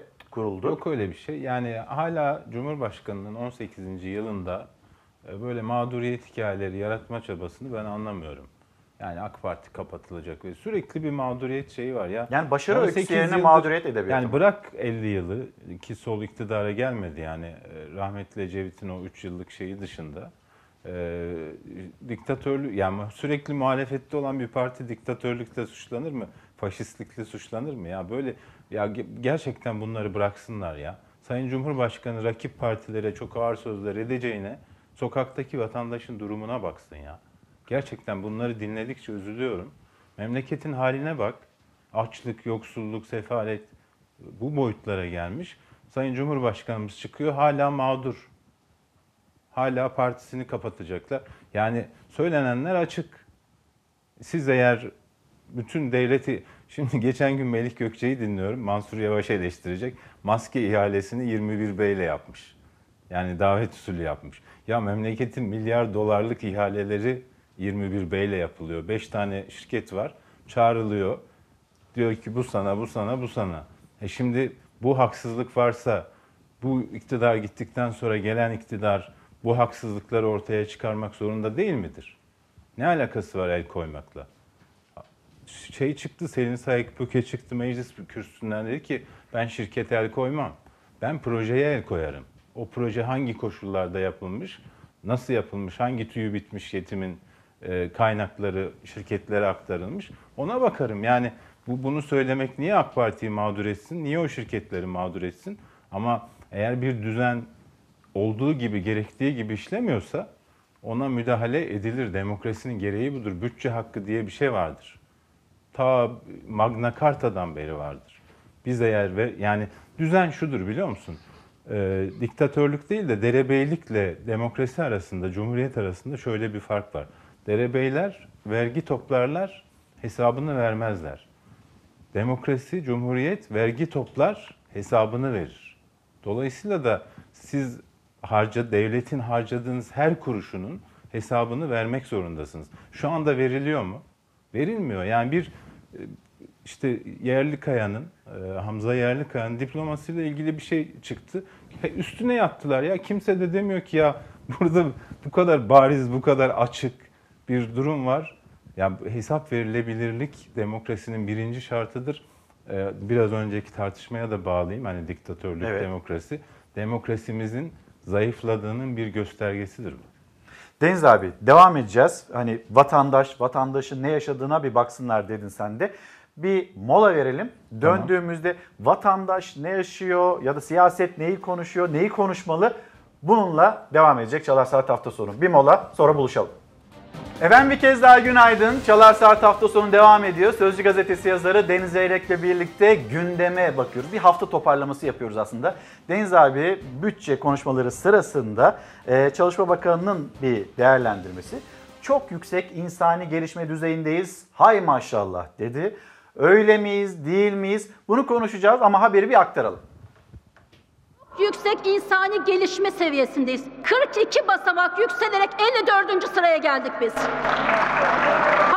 Maşallah. Evet maşallah. Zehra Zümrüt Selçuk. Hayırdır? Sokağa çıktın mı? 1300 lira emekli maaşı veriyorsun. Çalışma bakanısın. Allah'tan korkmuyor musun? Niye olumlu verilerden bu kadar gocunuyorsunuz? vatandaşla AK Partili yöneticilerin bağı koptu. Patronlarının koptuğu gibi onların da koptu. Bu vatandaşın kalbine dokunuyor, çok acıtıyor. Muhalefet iktidarın açıkladığı verileri olumlu tabloyu halkın bütçesiyle karşılaştırdı. Çok yüksek insani gelişmişlik seviyesindeyiz diyen Çalışma Bakanı'na sert cevap verdi. Aşırı yoksulluğun üstesinden geldik. Üniversite mezunu her üç gençten biri işsiz. Zehra Zümrüt Selçuk için problem yok ki. İşkur'dan işe adam alırken AK Parti il binasında liste yapılıyor. 2003 yılında 2,5 milyon aşırı yoksul varken şimdi bu rakam sıfıra inmiş durumda. Yıl 2003 asgari ücret 356 lira 14 gram altın alınıyor. Yıl 2020 asgari ücret 2321 lira 3.90 gram altın alınıyor. Çalışma Bakanı duysun. 2002'de orta insani gelişmedeydik. 2 senedir çok yüksek insani gelişme. Bu arkadaşlar geldiği zaman 6 dolar milyarderimiz var. Şu anda 33 dolar milyarderimiz var. 22 milyonda yardımla yaşayan insanımız var.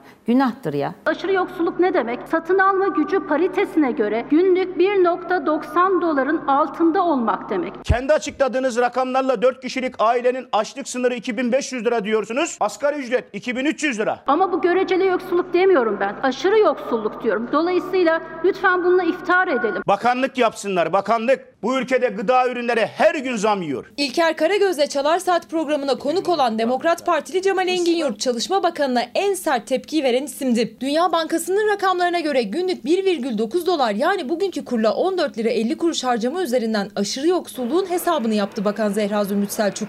Muhalefet gıda enflasyonunu, hayat pahalılığını hatırlattı. Sakarya milletvekilimiz Ümit Dikbayır aynı marketten Ha, alışveriş yapıyor. Her seferinde aynı Alıyor, ürünleri aynı alıyor alıyor. ve zamı görüyoruz. Şu anda %24-25 gıda enflasyonu. Benim kızım markete gitti. Geri döndü baba yoksulluk yok diyenlere yazıklar olsun dedi. Ne oldu dedim neyle karşılaştın? 2 ay önce 3 ay önce 200 liraya aldığım aynı şeyleri 700 liraya aldım baba dedi. Milletin aklıyla oynuyorlar. Bu millet adamdan hesap sorar.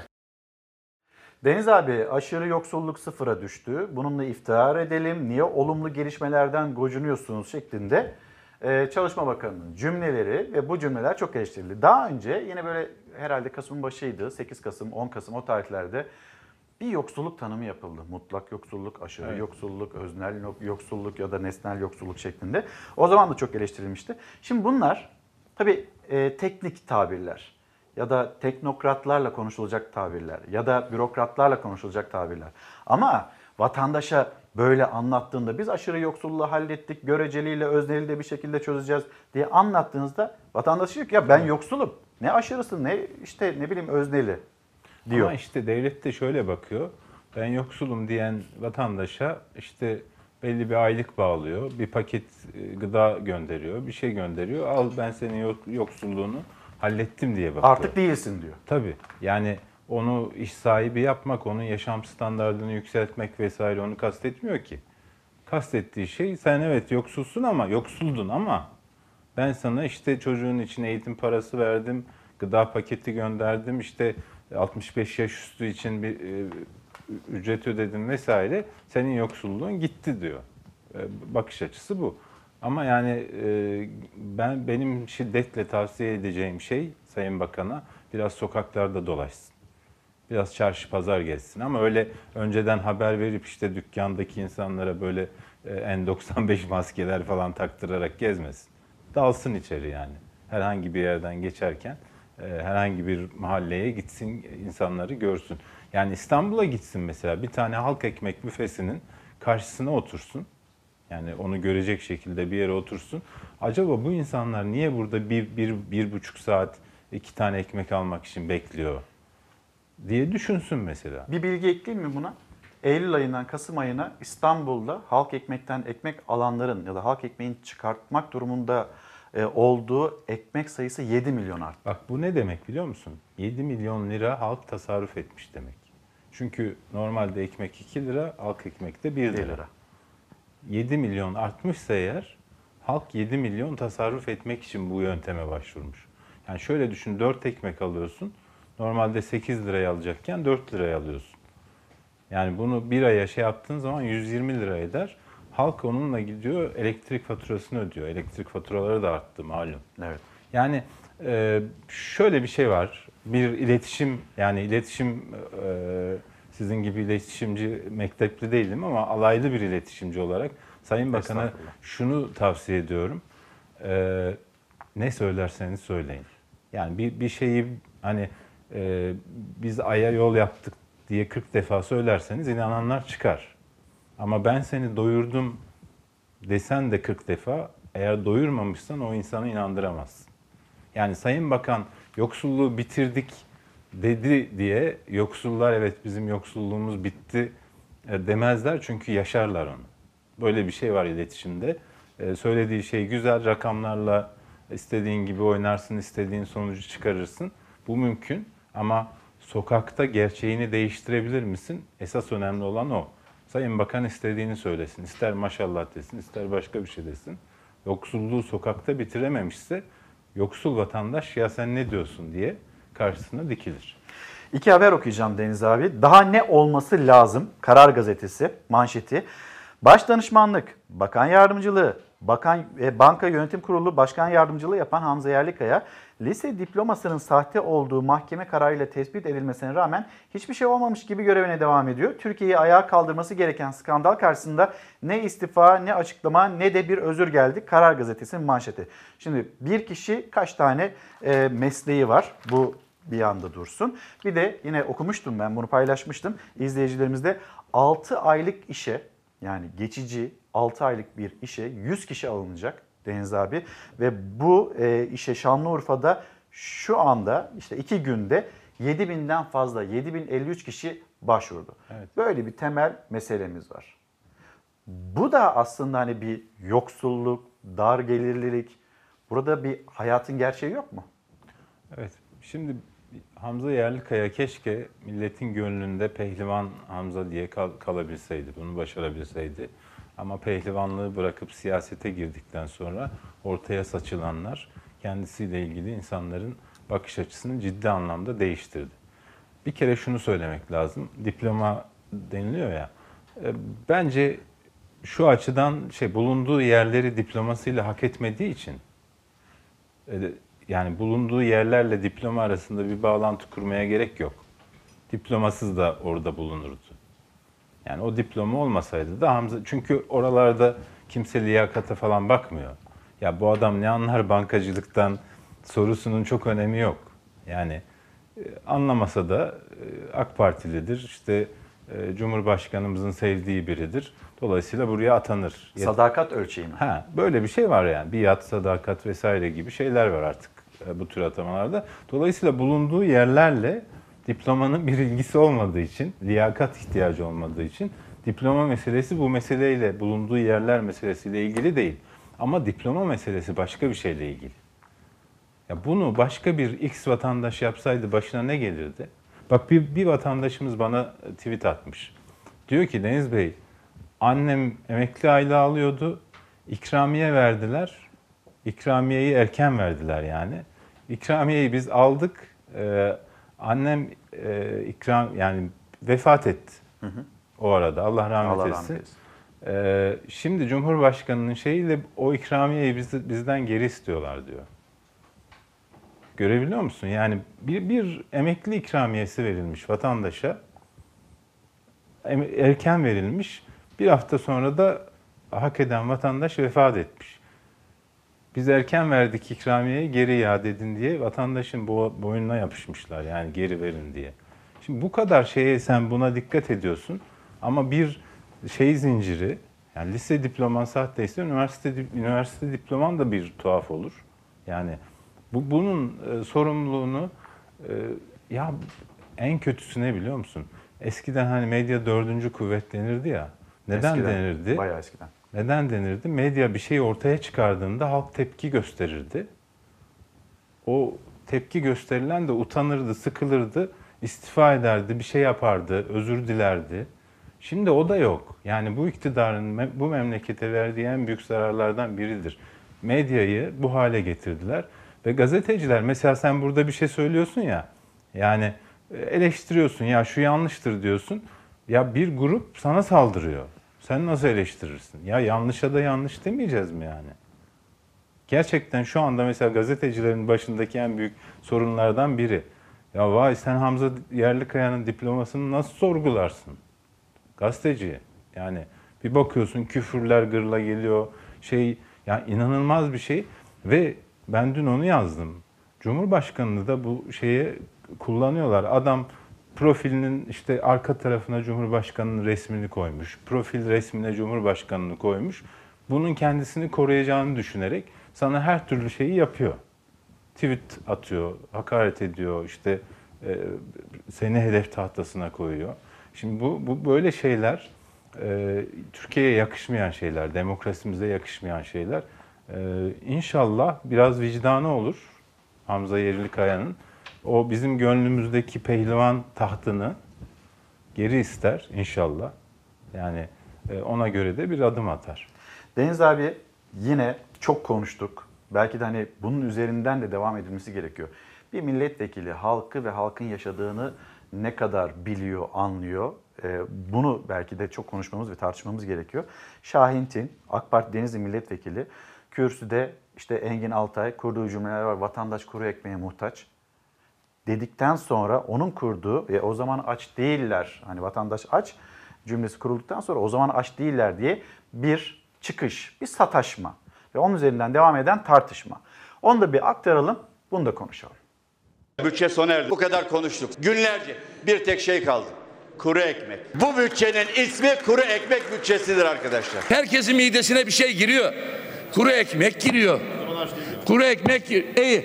Hah Meclisin 12 günlük bütçe maratonuna vatandaşın ekonomisi damga vurdu. Akıllara ise kuru ekmek kazındı. AK Parti 2021 bütçesini makro rakamlarla savunurken muhalefet adını kuru ekmek bütçesi koydu. Bazen tarih böyle gelir bir ana sıkışır. O sıkışma anında bir söz her şeyi özetler. Bu bütçe kuru ekmek bütçesi olarak tarihe geçti. Yani siz bu millete kuru ekmek yiyeceksiniz demiş oluyorsunuz. Saray tok, vatandaş aç. Bu sistem öyle bir sistem. Kuru ekmeği vatandaşa verip bu sana yeter diyen bir sistem. İktidar kuru ekmek polemiğinde tek söz etmedi. Muhalefetin ise tepkisi dinmedi. Kim konuşsa söze kuru ekmekle başladı. Geçim sıkıntısı ve yoksullukla bitirdi. Saraya göre şahlanıyoruz. Nereye şahlanıyoruz? Saraya göre ülkede yoksulluk yok, açlık yok, dert edecek bir şey de yok. Oysa TÜİK verilerine göre bile 22 milyon yurttaşımız ciddi maddi yoksulluk yaşıyor.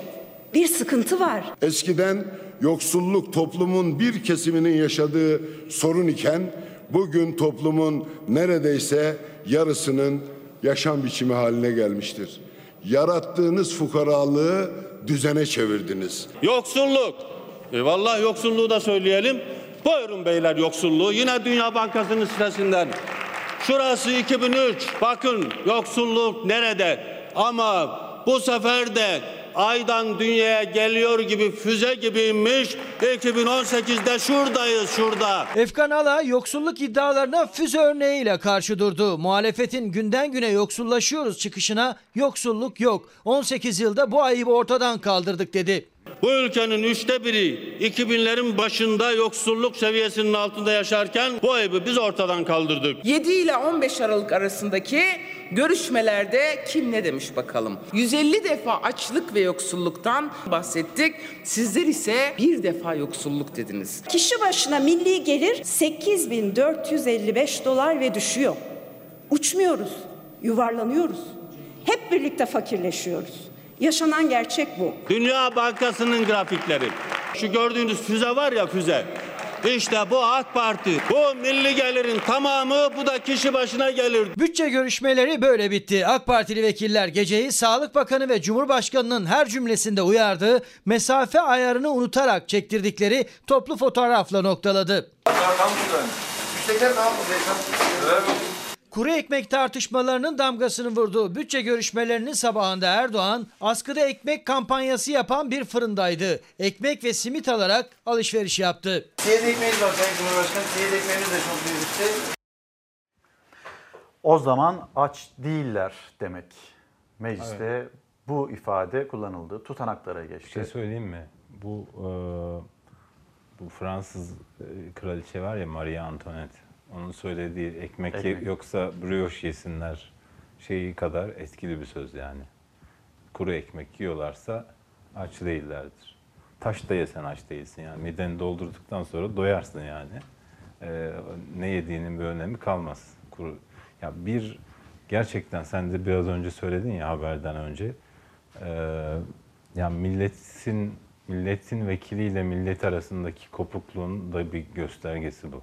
Yani ben çok üzüldüm yani ne demek ya kuru ekmek yiyorlarsa aç değiller.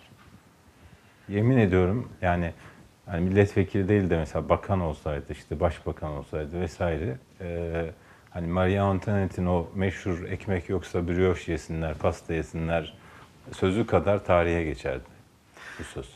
Deniz abi teşekkür ederim. Ben teşekkür hem ederim. siyaset değerlendirdik hem böyle biraz böyle ekonomiye baktık. Vatandaş ne istiyor, siyaset neyi konuşuyor. Bir yandan tekrar geçmiş olsun. Sen niye bana geçmiş olsun diyorsun diyorsun ama e, tekrar geçmiş olsun. Aşıyı da konuştuk. Önümüzdeki hafta devam edeceğiz. Bir hafta toparlaması. Bakalım bu hafta neler yaşayacağız da sonrasında nelerle karşılaşacağız ve neleri konuşacağız. Ben Deniz abiye Sözcü Gazetesi yazarı Deniz Eyr'e veda ederken Türkiye'nin, dünyanın 8 milyar insanın öncelikle gündem maddesi koronavirüse dair bir haber paylaşacağım.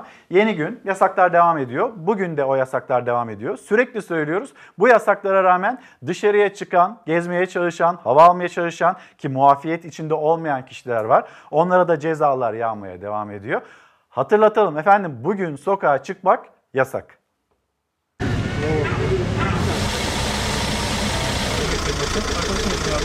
Hafta sonu sokağa çıkma kısıtlamasının ikinci gününde Türkiye gündüz boş olan sokaklar akşam saatlerinde hareketlenmeye başladı bazı cadde ve sokaklarda. Hastaneye 5 kişi şarj aleti götüren de vardı. Patronunun çalışma belgesi vermediğini iddia eden de ama en çok şaşırtanı Bursa'da kaydedilen bu görüntü oldu. Bursa Yıldırım Ulus Mahallesi. Görüyorsunuz. Kısıtlamanın olduğu saatlerde cep telefonu kamerasıyla kaydedildi bu görüntü. Olanlara bakıldığında ne koronavirüs salgını ne de sokağa çıkma yasağı vardı. Halı sahada maç yapanlar da onları izlemeye gidenler de kuralları hiçe saydı. Çekme beni. Yine Bursa'da bir mahallede parkta oynayan çocuklar polisin uyarısıyla dağıldı. Arkadaşlar evde kalın evde. İstanbul Arnavutköy'de polisin durdurduğu bir arabada 5 kişi vardı. Hastaneye şarj aleti götürüyorlardı. Millet geziyor diye bahane olmaz ki.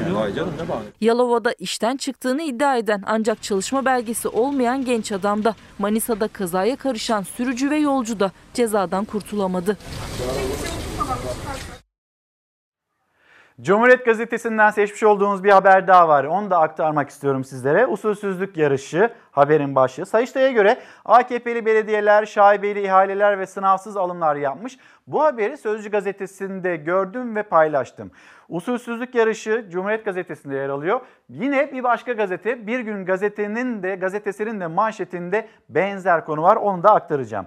Bir, Sayıştay Başkanlığı raporlar uçtu başlıklı haberimizin ardından belediyelere ilişkin 2019 yılı denetim raporlarını dün sabah tekrar okumaya açtı. Raporlara göre Üsküdar Belediyesi pazarlık usulüyle 162 milyon liralık 72 ihale yapmış. Ordu Büyükşehir Belediyesi'nde aynı tarihte aynı müdürlük tarafından aynı mahiyette ve aynı yükleniciden yapılan birçok alım ihale usulleriyle yapılması gerekirken kısımlara bölünerek doğrudan temin yöntemiyle yapılmış.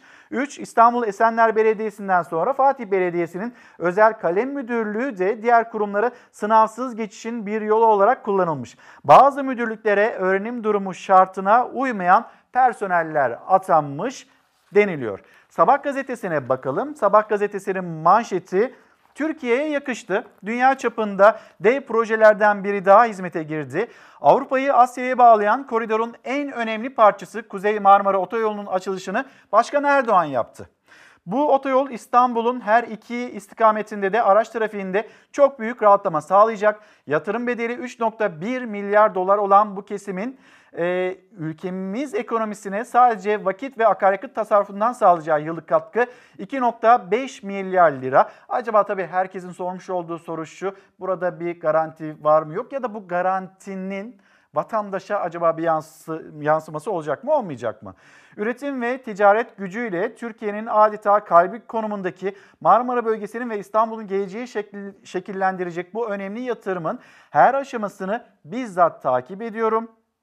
Ülkemize eser kazandırmaktan daha büyük bir siyaset, daha büyük bir hizmet, daha büyük bir şeref olmadığına inanıyorum. Zeynel Yaman'ın Sabah gazetesindeki manşet haberi bu şekilde. Ve Karar gazetesindeydi. Karar Gazetesi'nden bir haber daha okuyayım. Sonrasında sağlıkçılarımız onların beklentileri. Hani COVID-19'un meslek hastalığı olarak kabul edilmesini istiyorlardı. Bununla ilgili bir genelge yayınlandı. Ama bazı eksikliklerden, yasal düzenlemeden söz ediyor Türk Tabipler Birliği. Bunun uyarısını da ekranlarınıza taşımak istiyoruz ki onların da yani sağlıkçılarımızın da bu mücadelede en ön safta olanların haklarını veya da işte itiraz ettiklerini duyurabilmek adına. Şimdi bu eşkıyalık artık bitsin.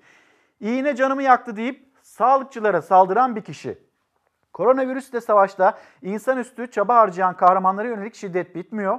Son örnek Ankara'da yaşandığı Altındağ'daki özel bir hastanede tedavi amaçlı iğne yapılan Gazi'ye hayvana vurur gibi yapıyorsunuz diyerek hemşireye kızdı. Açıklama yapan acil tıp teknisyenine de tepki gösterdi. Ardından da akrabasını alıp hastaneye geri dönen saldırgan teknisyene saldırdı, silah zoruyla dışarı çıkartıp darp etti, müdahale etmek isteyen diğer sağlık çalışanlarını da tehdit etti. İki maganda gözaltına alındı. Gözaltına alınmış olmaları önemli. Sonrasında nasıl bir işlem uygulanacak bunu takip edeceğiz. Ama sağlıkçılar hala bu şiddetlere maruz kalıyor. Ne yapacağız? İşte bunu sormaya bizler devam edeceğiz. Ve Türk Tabipler Birliği'nin meslek hastalığı ile ilgili hatırlatması. Sağlık Bakanlığı genelgesi dikkate alınarak sanki meslek hastalığı veya vazife malulü doğrudan kabul edilmiş gibi bir algı oluşturuldu. Ancak bunun gerçek olmadığını ifade etmek gerekiyor. Şöyle ki e, zaten yazının kendisinde de illiyet bağı arandığına dair bir ibare var. Bunun yanı sıra ekte bulunan formlar var ve bu formlarda bir takım sorulara yanıt vermesi bekleniyor sağlık çalışanlarının. Ancak e, bu sorulardan biri örneğin aynı kurumda başka e, hastalanan sağlık çalışanı olup olmadığı sorusu yer alıyor. Oysa e, iş yeri hekimlerinin örneğin başka herhangi bir sağlık çalışanı olmadan e, tek başına hizmet verdiği koşullarda özellikle de tabii ki fabrikalarda, atölyelerde hastalığın daha yaygın olduğunu da bildiğimize göre e, bu bir vazife malulü ya da meslek hastalığı olarak kabul edilmenin ne yazık ki yanına bile yaklaşamayacak. Bunu aklımızda bulundurmakta yarar var. İspat yükünü doğrudan sağlık çalışanına e, yüklüyor. Oysa e, burada söz konusu olan doğrudan hiçbir e, illiyet bağı aranmadan sağlık çalışanlarına e, vazife malulü ya da meslek hastalığının e, değerlendirilmesi olmalı. Sözcü gazetesi bir haber daha okuyalım. Doktor çiftin koronalı tükürük kavgası. Bu da garip bir tartışma. Samsun'da Doktor Mustafa O.İ. koronalı doktor eşi Fulya Hanım'dan şikayetçi olmuşlar. Tartıştığı eşinin yüzüne tükürerek koronavirüs bulaştırmaya kalkıştığını iddia etti. Bugün yine bazı gazetelerde gördüğümüz öne çıkan ilk sayfalarda da kendisine yer bulan bir haber oldu. Şimdi bir sınav tepkisi var çocuklarımızdan. Bunun da bir hatırlatmasını yapmış olalım. Uzaktan eğitim yani eğitimi biz uzaktan yapıyoruz. Hani erişim noktasında bir takım sıkıntılar yaşanıyor. Birazdan Hakkari'den o yaşanılan e, sıkıntıyı ekranlarınıza taşıyacağız. Şimdi eğitim uzaktan yapılırken ortaokullarda ve liselerde sınavların yüz yüze yapılması bununla ilgili bir açıklama yapıldı ve buna itirazlar ve tepki sesleri yükseldi. Tamam. O zaman ne yapacağım öncelikle bunları? İşte bu okullar 4 Ocak ve 22 Ocak tarihleri arasında yazılı sınavlarını yapacak. Bir hafta önceden öğrencilerine haber verecekler. Ne gün sınav yapacaklarına ilişkin. Sınavlar yüz yüze olacak. Bir yandan uzaktan eğitimi 22 Ocak'a kadar sürdürme kararı alınırken diğer yandan sınavların ortaokullarda ve liselerde yüz yüze yapılacağının açıklanması gerçekten kendisiyle çelişen bir karar. Eğitim uzaktan ama sınav yüz yüze. Milli Eğitim Bakanlığı ilk dönem karneleri için ortaokul ve liseye sınav şart dedi. Velilerse salgında çocukların okula çağrılmasına tepkili. 4-22 Ocak tarihleri arasında sınavlar için öğrenci ve öğretmenler okullarda buluşacak. Ben bu kararın arkasında bilim kurulun bir tavsiyesi olduğunu zannetmiyorum. Zaten salgın yönetimiyle ilgilenen insanların okullar gibi 20 milyondan fazla kişiyi daha yakın mesafede bir araya getirecek e, bir girişimi desteklemeleri çok beklendik bir durum değil. Bilim Kurulu tavsiyesi alındı mı açıklama yok ama Milli Eğitim Bakanlığı genelgeyi yayınladı. İlkokul 1, 2 ve 3. sınıflarda zaten sınav yapılmıyordu. 4. sınıflar için de sınav kaldırıldı. Performans notuyla verilecek karneler. Ancak ortaokul ve liselerde sınav yüz yüze yapılacak. Seyreltilmiş olarak uygulayacaksınız. Covid-19 tedbirlerine uygun olarak hijyen kurallarını dikkate alarak bu sınavları gerçekleştireceksiniz e, diyorlar. Beden eğitimi, görsel sanatlar, müzik gibi bu derslerden sınava girmeyecekler. Yine proje üzerinden değerlendirmiş olacaklar. Ama ana dersler sınava tabi. Cumartesi günleri de sınav takvimine eklendi. Öğrenciler her bir ders için ayrı ayrı sınava girecek. Bir günde iki sınav yapılmasını önerdi Milli Eğitim Bakanlığı ama öğrenci ve ders sayısına göre bir sınav daha eklenebilecek bir güne. Evet her ders için şu anda okula gitmek zorunda kalacak. Öğrencilerin de velilerin de merak ettiği bir konu var. Sınavların içeriğine okullar kendileri karar veriyor. Sınava sadece ben sınava girmek istemiyorum diye çocuğunuzu yollayamazsınız. Bir gerekçe olması gerekiyor. Bu öğrencilerde 15 Şubat 26 e, Şubat tarihleri arasında bu öğrenciler için telafi sınavı yapılacak. Hastalık gerekçesiyle rapor alan öğrenciler için telafi sınavı tatil sonrasına bırakıldı. Salgın nedeniyle büyük şehirlerden kaçan aileler için de bulundukları illerde sınava girme imkanı tanındı. 28 Aralık'a kadar aile e, bulunduğu ildeki okul müdürlüğüne dilekçe verecek. Sınav takvimi bu şekilde ama uzmanlara göre 4-22 Ocak tarihleri arasında tam da ağır hasta sayısının düşürülmeye çalışıldığı bir dönemde bulaş riski tabloyu kötüleştirebilir. Toplu taşımayı kullanacakları ve öğretmenlerin, velilerin de bu sürecin içinde yaşanacağı düşünüldüğünde tekrar bu hastalığın bulaşması ve bulaştırılması için bir risk kaynağı olarak karşımıza çıkarıldığını görüyoruz. Halk sağlığı uzmanları gibi veliler de karara tepki gösterdi. Change.org'tan imza kampanyası da başlatıldı. Sağlığınız için sınavlar iptal olsun diyenler imza yağmuruna tuttu siteyi. Hakkari'ye götüreceğiz. Orada çocuklar tüm imkansızlıklara rağmen nasıl o eğitime ulaşmaya çalışıyor, çabalıyor. Bunun görüntüsünü izleyeceksiniz. Günaydın diyen izleyicilerimiz var. Bizler de günaydınlarımızı iletelim.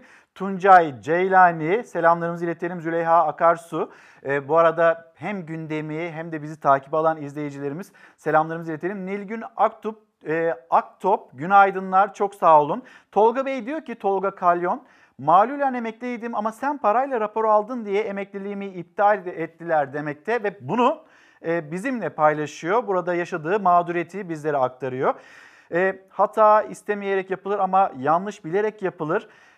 Yapılan yanlışlar cezasız kalmamalı, olması gereken bu diyor bir izleyicimiz. Sinan Sözmen, çok haklısınız olması gereken SMA hastası çocuklarımız var ve onların ilaçları var. O ilaçlara sınırlandırma olmadan bu çocuklarımıza ulaştırmak gerekiyor. Eğer sosyal devletsek bunu başarabiliyor olmamız gerekiyor diyor Sinan Sözmen. Ve yine e, Serdar Çetin şunu hatırlatıyor. Yani zaten faturalar hayat o kadar pahalı ki bir yandan da siz İzmir'deki su faturalarına hiç bakıyor musunuz? Orada da ciddi bir artış olduğunu görüyoruz diyor. Canan Saylam'a da selamlarımızı iletelim. Bir Hakkari'ye gidelim. Oradaki çocuklarımızın çabasını izleyelim.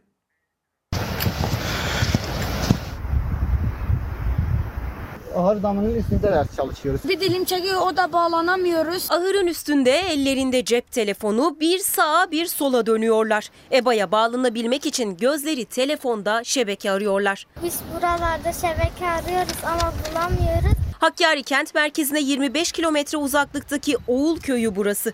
Kent merkezine en yakın köylerden biri. Köyün çocukları pandemiden önce taşımalı eğitim görüyordu. Şimdi uzaktan eğitimle devam etmeye çalışıyorlar eğitimlerine. Köyümüzde şebeke olmadığı için hiçbir EBA'ya ve canlı derslere katılamıyoruz. Yaklaşık 60 öğrenci tablet ve cep telefonları olmasına rağmen derslere katılamıyor çünkü internete bağlanamıyorlar. Bağlanabilmek içinse bir ellerinde telefon, bir ellerinde defter, kitap, evlerin, ahırların çatılarında şebeke arıyorlar. 200 tane evle, ev var e, ve o evlerden 60 tane öğrencimiz var. Bulabilirlerse şebekeyi o gün ders yapabiliyorlar. Ancak çoğunlukla onları eğitimle buluşturacak o şebeke çizgilerini yakalayamıyorlar. Soğuk havada zar zor verdikleri mücadeleden yorgun argın evlerine geri dönüyorlar. EBA'ya bağlanamayan Oğul köyü çocukları şebeke istiyor. Biz buralarda şebeke arıyoruz ama bulamıyoruz. Bir mola verip hemen döneceğiz efendim.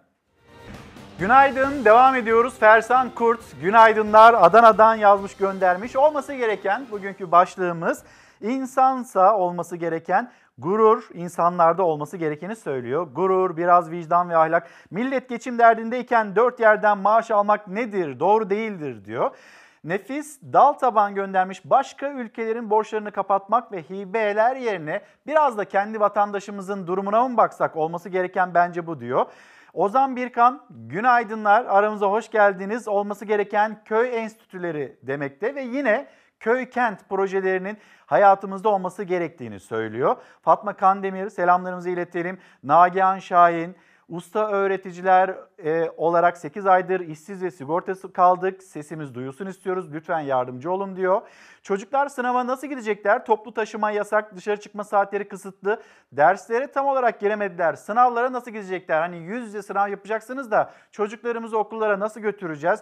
Bunun e, feryadı içinde aslında pek çok aile e, endişesi de var. Sonuçta çocuklar oraya gidecekler. Hani evden eve dolaşımları azaltmaya çalışıyoruz. Bu sınavlar doğru mu? Zamanlaması e, doğru mu? Bilim kurulunun tavsiyesi bu şekilde mi? Bunu soran izleyicilerimiz var. Hatırlatmış olalım. Memleketin çeşitli yerlerinden güzel haberler var, düşündürücü haberler var, çiftçimizi, esnafımızı ilgilendiren haberler var. Bunları hızlı hızlı aktaracağız. Bir memleket turuna çıkacağız ama önce memleketin havası. Görüntüler Bayburt'tan dün başlayan kar bütün şehri beyaza boyadı. Şehir içinde güzel bir manzara oluşturan kar yüksek dağ geçitlerinde ve köy yollarında kabusa dönüşüyor. Ekipler kapalı yolları açmak için sıyırma ve tuzlama çalışmalarını sürdürüyor. Bölge trafik ekipleri Bayburt-Erzurum arası Kopdağ, Bayburt-Gümüşhane, Vavuk Dağı güzergahını kullanacak sürücüleri kar yağışı ve buzlanmaya karşı dikkatli olmaları konusunda uyardı. Meteoroloji Genel Müdürlüğü tarafından yapılan son değerlendirmelere göre kuzey ve doğu kesimleri parçalı yer yer çok bulutlu. Karadeniz kıyılarıyla Kırklareli, İstanbul, Kocaeli, Sakarya ve Balıkesir illerinin kuzey ilçeleri yağmurlu. Van, Kars ve Iğdır çevreleriyle Ağrı'nın doğu kesimlerinin karla karışık yağmur ve kar yağışlı. Diğer yerlerin parçalı az bulutlu geçeceği tahmin ediliyor. Gece ve sabah saatlerinde Marmara ile iç ve doğu kesimlerde yer yer sis ve pus görülebilir. İç ve doğu kesimlerde buzlanma ve don olayı bekleniyor. Vatandaşların tedbirli ve dikkatli olmasında fayda var. Hava sıcaklıkları mevsim normallerinde seyredecek. Kuzey kıyılarda ise şiddetli rüzgar vatandaşları zor durumda bırakabilir. Yeni hafta Karadeniz'de görülen yağmur dışında tüm yurtta parçalı bulutlu bir gökyüzüyle başlayacak. Salı gününden itibaren ise Doğu Anadolu'da kar yağışı etkisini arttıracak. Sizlerle paylaşmak istediğimiz haberler var yine gazetelerde. Onları da aktaracağız. O gazetelerden e, bir tanesi Gazete Pencere Dost Acı Söyler'de Gazete Pencere'nin manşeti.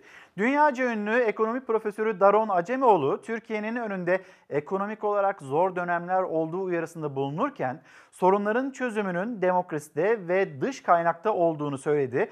Massachusetts Teknoloji Enstitüsü'nde e, Profesör Doktor Daron Acemoğlu, Türkiye'nin dış politikasına bağlı risklerin olduğunu kabul etti ama asıl problemin içeride olduğunu söyledi. Acemoğlu, Türkiye'deki şirket bilançoları, banka bilançoları kötü durumda, tüketici bilançoları kötü durumda. Türkiye'nin ekonomik olarak çok zor dönemler var önünde. Tabii ki dışarıdan gelen unsurlar buna katkıda bulunabilir ama asıl problem içeride ve çözüm içinde demokrasi diyor. Çözüm için bir başka reçetesi Daron Acemoğlu'nun dış kaynak olduğunu söylüyor. Memleket turuna Kocaeli, Dilovası ve buradan bir kazayla daha doğrusu bir mucize kurtuluş haberiyle devam edeceğiz.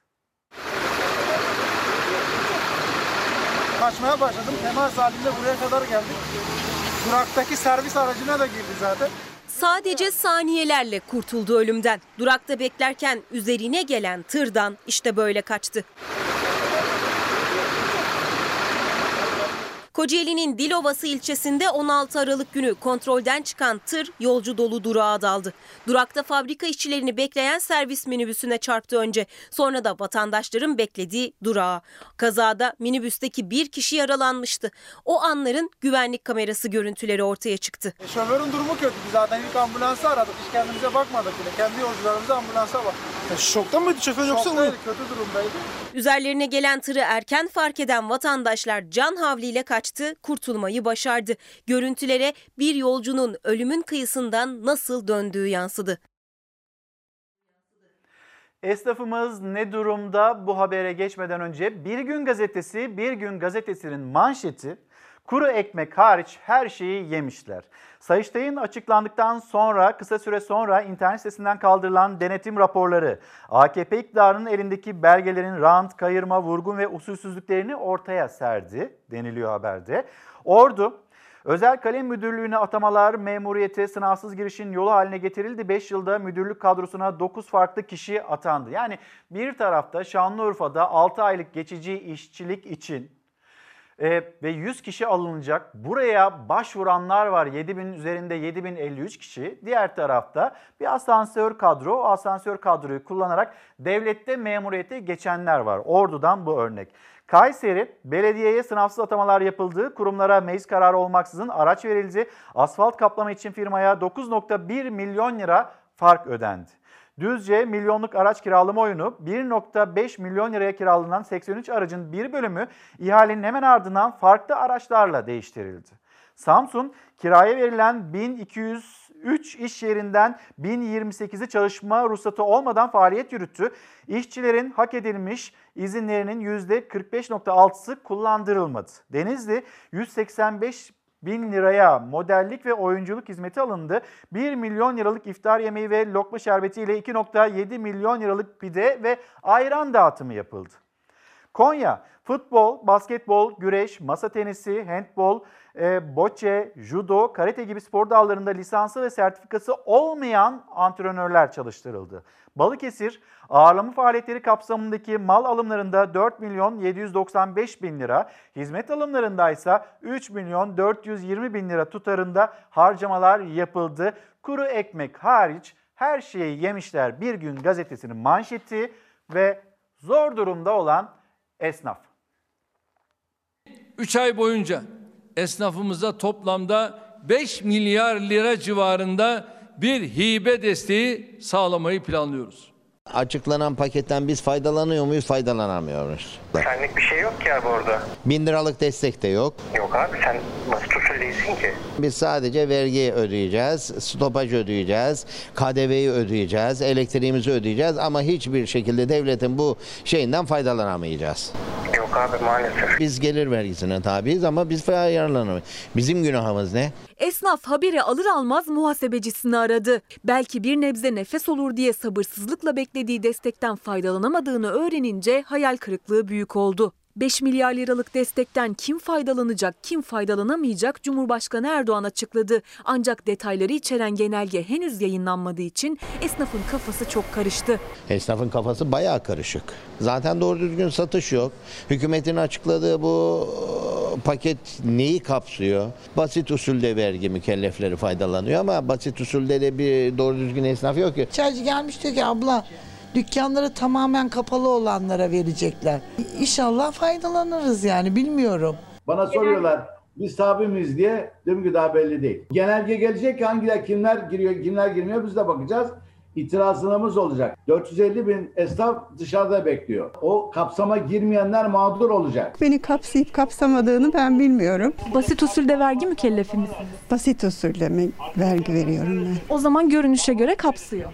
Kapsıyor mu? Ben de sizden öğreniyorum. 3 ay boyunca 1000 liralık hibe ödenecek esnafa ancak sadece basit usulde vergi mükellefi olanlar yararlanacak. Yani cirosu belli bir limite kadar olanlar ve diğer bazı meslek grupları. Kira desteği de sadece basit usulde vergi mükellefi olanlar için geçerli. Basit usul muhasebe sistemi çok az kullanılan bir bölüm. Bizler hepimiz yüksek tandanslı, yüksek cirolu işletmeler olduğumuz için birinci sınıf işletme defterine tabiiz. Defterlerin oda tarafından tutulduğu, muhasebecisi olmayan, muhasebeci işlemini odanın gördüğü bir sistem bu. Belli bir kısma kadar olan cirodan basit usul deniyor. Ondan sonraki birinci sınıf işletmeye giriyor. Bursa ilimizde sadece bizim odamıza kayıtlı üyeler içerisinde 30 adet kullanan var.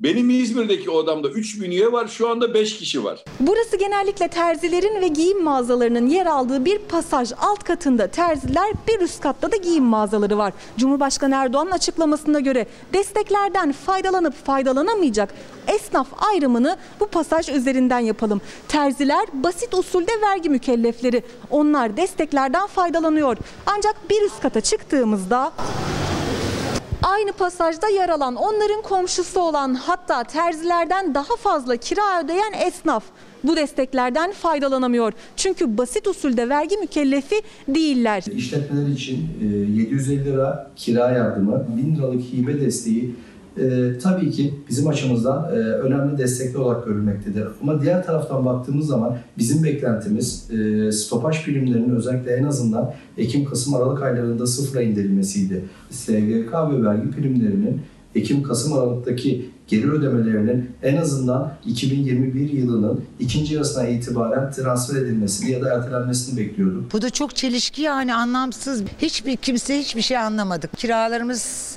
pahalı, boş oturuyoruz. Neyi karşılar ki? Bu gidişle bütün herkes kapatıp gideceğiz. Ekim, Kasım, Aralık aylarında 2021'in son çeyreğinde hem piyasalarda bir canlanma hem de hane halkında kişisel gelirlerde bir yükselme bekliyoruz. Doktor Aysel Yavuz, günaydınlar müdavim olan izleyicilerimizden birisi. Nabi Bey de öyle. Karaman'da hava cıncık gibi demiş. Çok da güzel bir gün olduğunu söylüyor. Ama bir yandan da tabii dışarıya çıkamıyoruz. Hava güzel. Şöyle pencereyi açalım, biraz havalandıralım. Ve bugün, bugün de yine sağlıklı bir şekilde tadını çıkartmayı bilelim. Kurallara uyalım. Olması gereken başlığı altında hani bunu söyledik. Bir kez daha söyleyelim. Maske, mesafe, hijyen ve sokağa çıkma kısıtlaması var. Sokağa da lütfen çıkmaya çalışmayalım. Sonrasında cezalar da peş peşe geliyor. Hatırlatalım. Ebru Hanım, günaydınlar olması gereken insanların birbirinin iyiliğini istemesi, saygı, en çok da saygı ve nezaket demekte. Özür dilerim. Şimdi Tolga Bey de göndermiş. Aslında bu genel olarak bütün Türkiye'nin, Türkiye'deki pek çok insanın e, sıkıntısı halinde pandemi, pandemi sonrasında esnaf ne kadar zor durumda. E, bir yandan paketler açıklanıyor, o paketle ilgili bir genelge bekleniyor. Paket kimleri kapsıyor, kapsamıyor.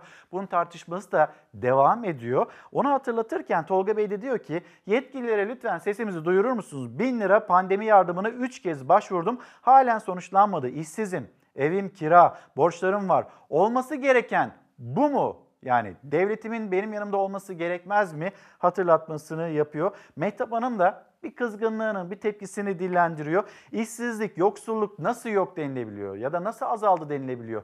Hiç mi sokağa çıkmıyorlar? Hiç mi etraflarını görmüyorlar? Hiç mi işsiz tanıdıkları yok? Hiç mi dar gelirli tanıdıkları yok? Bunun sistemini iletirken bir yandan da e, kuru ekmek yiyen aç değildir cümlesine de gerçekten çok içerlemiş ve sistemde bulunmuş. Şimdi biz zam haberiyle devam edeceğiz. Yumurtaya gelen zam geçen yıl ne kadardı şimdi ne kadar? 30'lu yumurtanın hani o paket var ya 30'lu yumurta paketinin fiyatı tavuğun fiyatını geçti. Virüs yumurtayı da vurdu. Fiyat artışı sert oldu. Yumurtanın tanesi neredeyse 1 lira. 30'lu paketi ise tavuk fiyatlarını geride bıraktı. Pandemiyle birlikte evde geçirilen sürenin artması kahvaltı alışkanlıklarını da arttırdı. Birçok yiyeceğin yapımında da kullanılan yumurtanın fiyatı son bir yılda iki katına çıktı. Talebin artışı, üreticinin zarar etmesi ve yem fiyatlarındaki artışla pandeminin ilk günlerinde 15 lirayı geçmeyen 30'luk yumurta paketinin fiyatı 25-30 liranın üzerine çıktı. Yani yumurtanın tanesi neredeyse 1 lira oldu. Böylece tavuk fiyatını geçti. Bu zam haberinden sonra bir de sektörler onlar ne durumda? Pandemi onları nasıl etkiledi? Mesela otomotiv sektörünü bunu izleyelim. Türkiye'de 11 ay sonunda otomotiv sektörünün karnesi kırıklarla dolu. Hem toplam üretimde hem otomobil üretiminde. Dünyada pandemiden en çok etkilenen sektörlerden biri otomotiv. Talep fazla ama üretim az. Kayıp büyük. Türkiye'de de üretim azaldı. Göstergelerse kısa süreliğine pozitif yönde seyrediyor. Nedeni iç pazardaki hareketlilik. Ancak otomotiv yazarı Emre Özpeynirci'ye göre bu durum uzun süreceğe benzemiyor. İç pazarda 11 ay sonunda %73'lük artış yaşanırken bu artış üretimdeki kaybın %13'te kalmasını e, sağladı. Avrupa'da 11 ay sonunda otomobil satışları %26'nın üzerinde daralırken Türkiye'deki satışların ciddi şekilde artması bizi e, pozitif bir şekilde ayrıştırdı. Mart ayında Türkiye'de koronavirüs salgının ortaya çıkmasıyla toplu taşıma araçlarını kullanmak istemeyenlerle artmaya başladı otomobil satışları. Faiz indirimi de rakamları katladı. Dünya pandeminin gölgesinde kayıplar yaşarken Türkiye iç pazarda yaşanan hareketlilikle ayakta kaldı.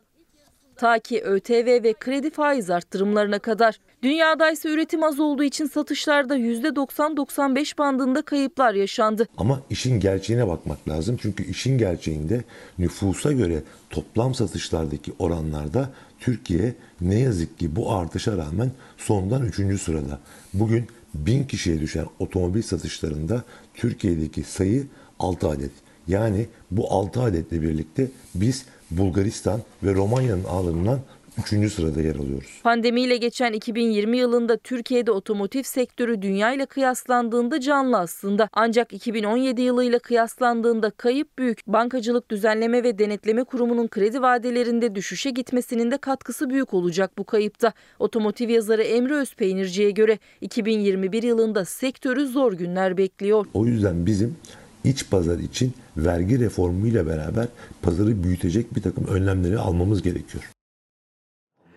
Selahattin Karakoç ve e, Murtaza Bey Kayseri'den günaydın diyorlar. Hem kendilerine hem de Kayseri'ye günaydınlarımızı iletelim. Hasibe Hanım, olması gereken en önemli şey gençlerin umutlu ve heyecanlı olmaları fakat baktığımızda tam tersini görüyoruz ve çok üzülüyoruz diyor. Şimdi çek yasası mağdurlarıyla ilgili pek çok mesaj da geliyor. Bununla ilgili hazırlığımız var. Ben yönetmenimiz e, İrfan Tomakin'den bir rica edeyim. Onların çağrılarını, isteklerini, taleplerini bir iletmiş olalım. Bugün itibariyle Türkiye'de 1 milyon 200 bin adet karşılıksız çek ve 250 bin insan bu işten sorumlu. Karşılığında senet alacaklarını konkartotu ilan eden şirketlerden alacaklarını alamamış. Aynı zamanda FETÖ soruşturmasıyla ortadan yok olan ve tekrar alacaklarını alamayan bir kesimden bahsediyoruz. İcra ceza mahkemelerinde çek yasası mağdurlarına bu saatten sonra ticaret yapamazsın ama bununla birlikte hissedar olamazsın. Hiçbir şekilde hiçbir şirkete mali sorumluluk alamazsın deniyor. Ama öbür taraftan devletimiz şunu öngörüyor. Biz seni 2020 Mart ayı itibariyle cezaevinden çıkardık. 2020 Haziran'da 9 ay daha süre verdik. Yani 2021 Mart ayına kadar borcunun %10'unu öde, geriye kalanın %90'ını her iki ayda bir 15 taksitle öde diyor. Cezaevinden sabıkalı olarak çıkardınız bu insanları. İzinli mahkumlar gibi lanse ettiniz. Peki bu insanları kim iş yerinde işe alır? Herhangi bir şekilde kim iş yapar bu insanlarla? Bakın ekonomik suça ekonomik ceza ilkesini uygulamamız gerekir. Senet ve konkartotodan dolayı borçlarını ödemeyen şirketlere hiçbir şekilde ceza işlem yok. Hatta konkartoto ilan eden şirketlere icra işlem dahi yok. Büyük montajlı bu şirketler küçük ve orta ölçekli esnafları maalesef çek yasası mağdurları adında bir kitleye mahkum bıraktılar. Gelin bizi masaya çağırın.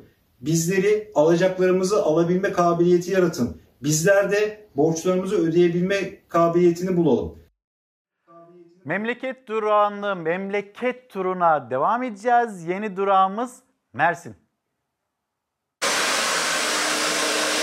Pandemide onlar da çok zorlandı. Evde bakım hizmetine gereksinim duyanlar. Mersin'de onların yardımına belediye koştu. Benim çocuk çocuk olmadı. Kimse yok. Başkanıma teşekkür ederim. Size de teşekkür ederim yaptığınız için. Çok sağ olun. Ellerinize sağlık. Memnun oldum. Çok büyük yardım. Hem yıkıyorlar hem evimi temizlediler. Çok güzel. Çalışanlara, belediye başkanımıza çok çok teşekkürler.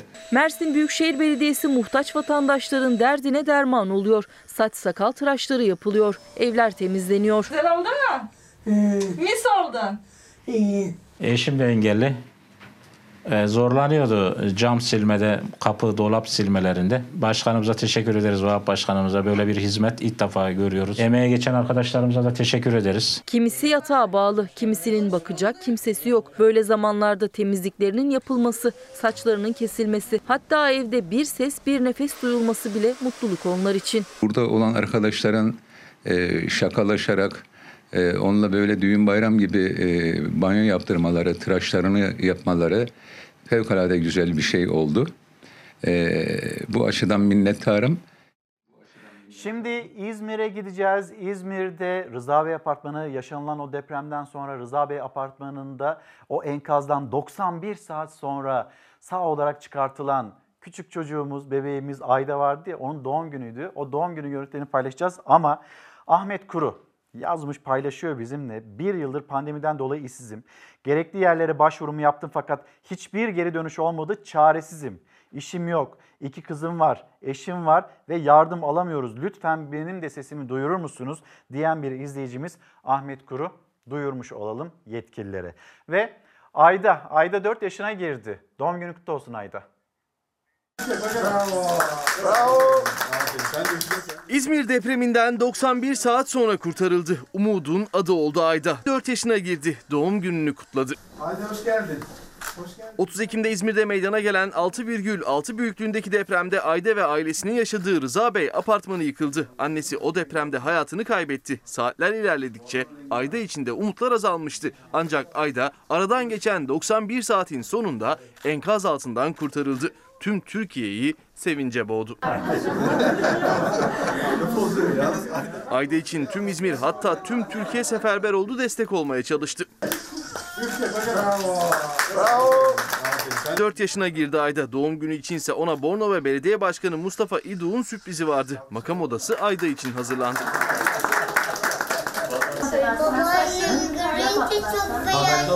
Doğum gününde dilek dileyen Ayda'ya büyüyünce ne olmak istediği soruldu. Ayda öğretmen olmak istediğini söyledi.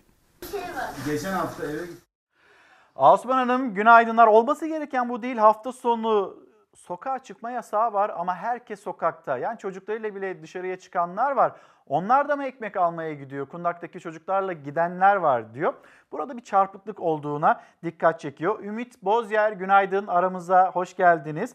Ee, ve yine Ramazan Kaya'ya da günaydınlarımızı iletelim. İzmir'den fazla uzaklaşmayalım. Hemen bir Manisa'ya uzanalım. Orada da bir hak arayışı var. Sendikaya üye olduğumuzdan dolayı çıkardılar. Bizleri ve arkadaşlarımızı baskı yapıyorlar. Hakkımızı arıyoruz biz hakkımızı. İşten çıkarmanın yasak olduğu pandemi döneminde iddiaya göre sendikaya üye oldukları için tazminatsız işlerine son verildi. Sendikaya üye olduğumuz için bizi ücretsiz üzüm ve arkasından çıkışımızı vermişler. Bizleri 1168 TL'ye muhtaç etmeye çalışan işverene tavrımız açık ve nettir. Sendikal haklarını kullanmasını engellemeye yönelik baskı ve tutumunu bir an önce sona erdirmesi gerekmektedir. Manisa'da otomotiv sektörü için yedek parça üreten pres fabrikasında işçiler daha yüksek maaş, daha iyi ve güvenli çalışma koşulları için Türk İş'e bağlı Türk Metal Sendikası çatısı altında örgütlendi. Ancak sendikalaşma iddiaya göre yönetimi rahatsız etti. Baskıyla gece saat 11'lere kadar mesaiye bırakıyorlar. 80 saat, 100 saat, 120 saat mesai yapan arkadaşlarımız var.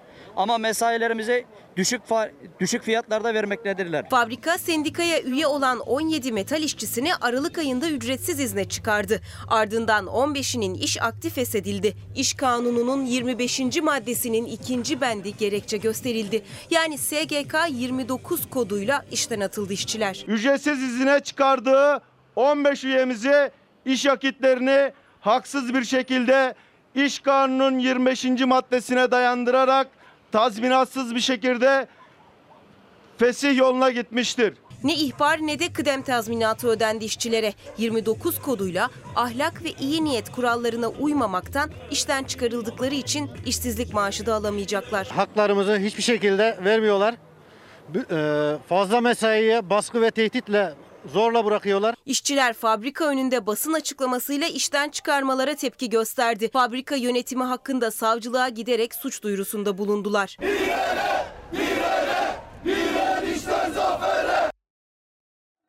Milli Gazete, Milli Gazete'den seçmiş olduğumuz haber daha doğrusu yani hem ziraat mühendisi arkadaşlarımızdan geliyor, sağlıkçı arkadaşlarımızdan geliyor, öğretmenler sürekli kendilerini hatırlatıyorlar, atama taleplerini iletiyorlar ve o haberde Milli Gazete'nin ilk sayfasında var. En az 80 bin öğretmen ataması yapılmalı.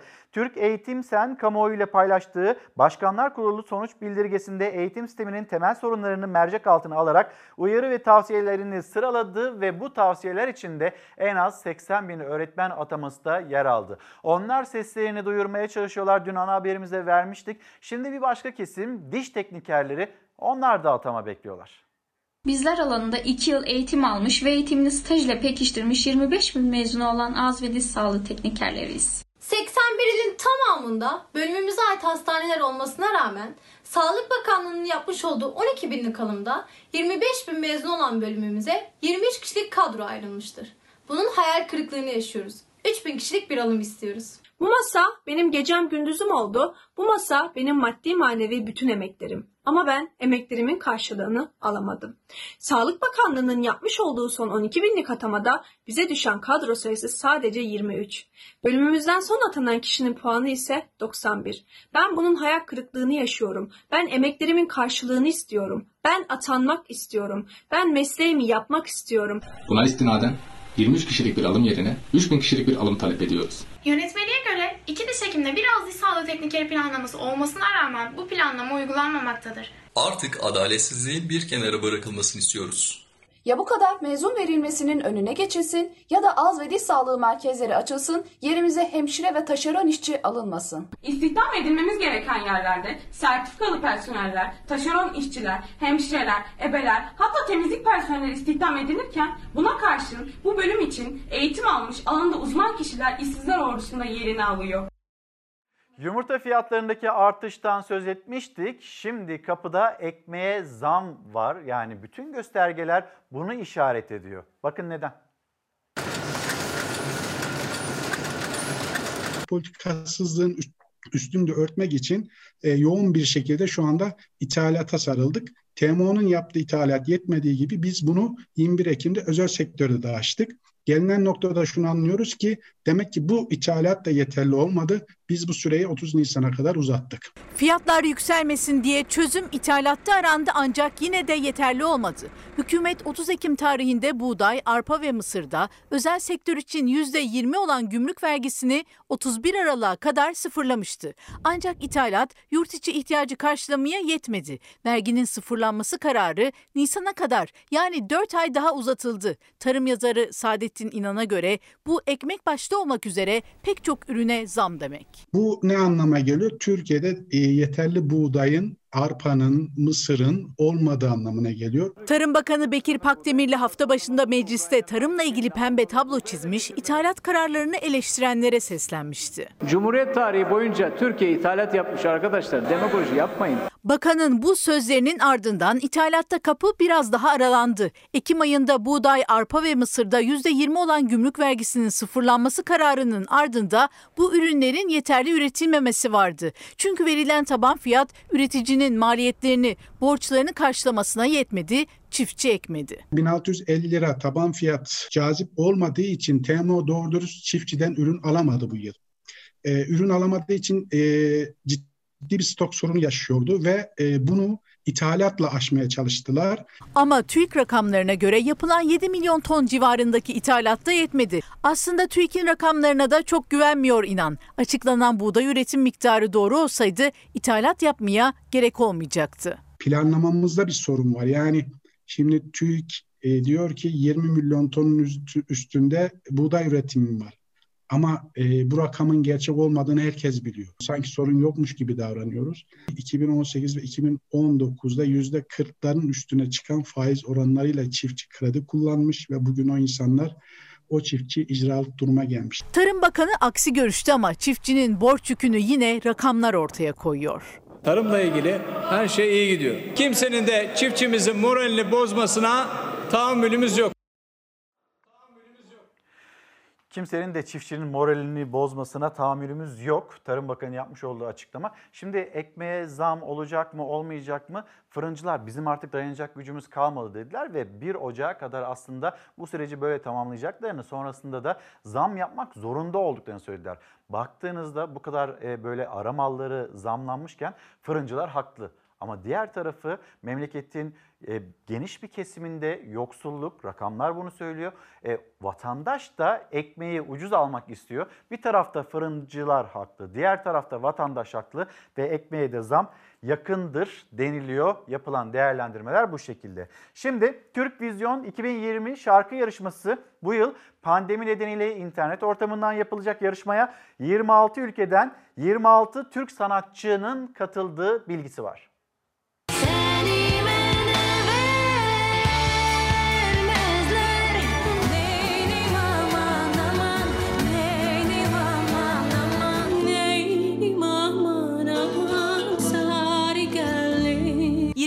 Ülkeden 26 Türk sanatçı Türk Vizyon'da yarışacak. Yarışma bu yıl çevrim içi olarak yapılacak.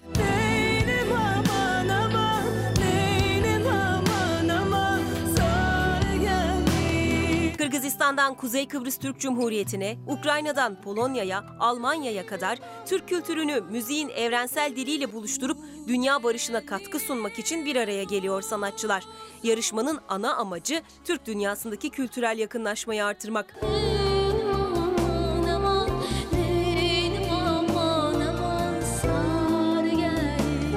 İlki Türk Müzik Birliği ve Kültür ve Turizm Bakanlığı'nın desteğiyle 2013 yılında Eskişehir'de düzenlenen yarışma bu yıl pandemi nedeniyle internette 20 Aralık Pazar günü saat 16'da canlı olarak yayınlanacak. Ve bu sonuçla Azerbaycan Cumhuriyeti 210 puanla gecenin birincisi oluyor.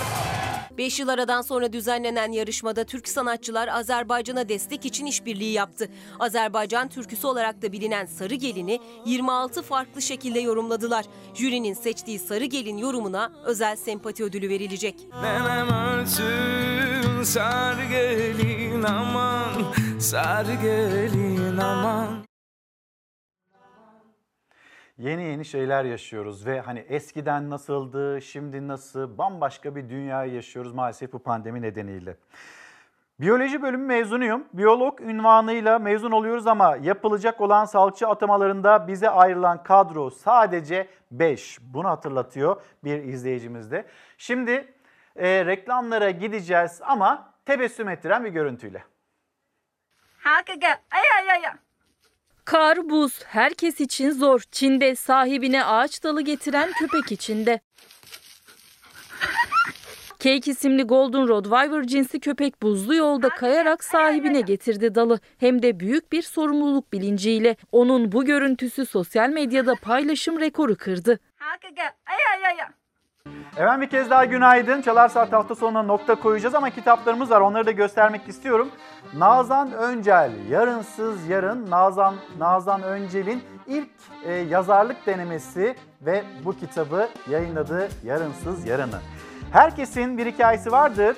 İrfan Saruhan. İlk roman ödülü kendisine ait 2020 yılında ve yine Ayan Başak Bengisu Akbulut'un bizimle yazıp da paylaşmış olduğu kitaptı. Efendim kapatırken her zamanki gibi teşekkürümüz sizlere. Bizi izlediğiniz için çok teşekkür ederiz. Bir manikeder olmazsa önümüzdeki hafta saatler 8.30'u gösterdiğinde hem cumartesi hem pazar günü yine bizler sizlere günaydın diyeceğiz. Hoşçakalın, güzel bir gün olsun.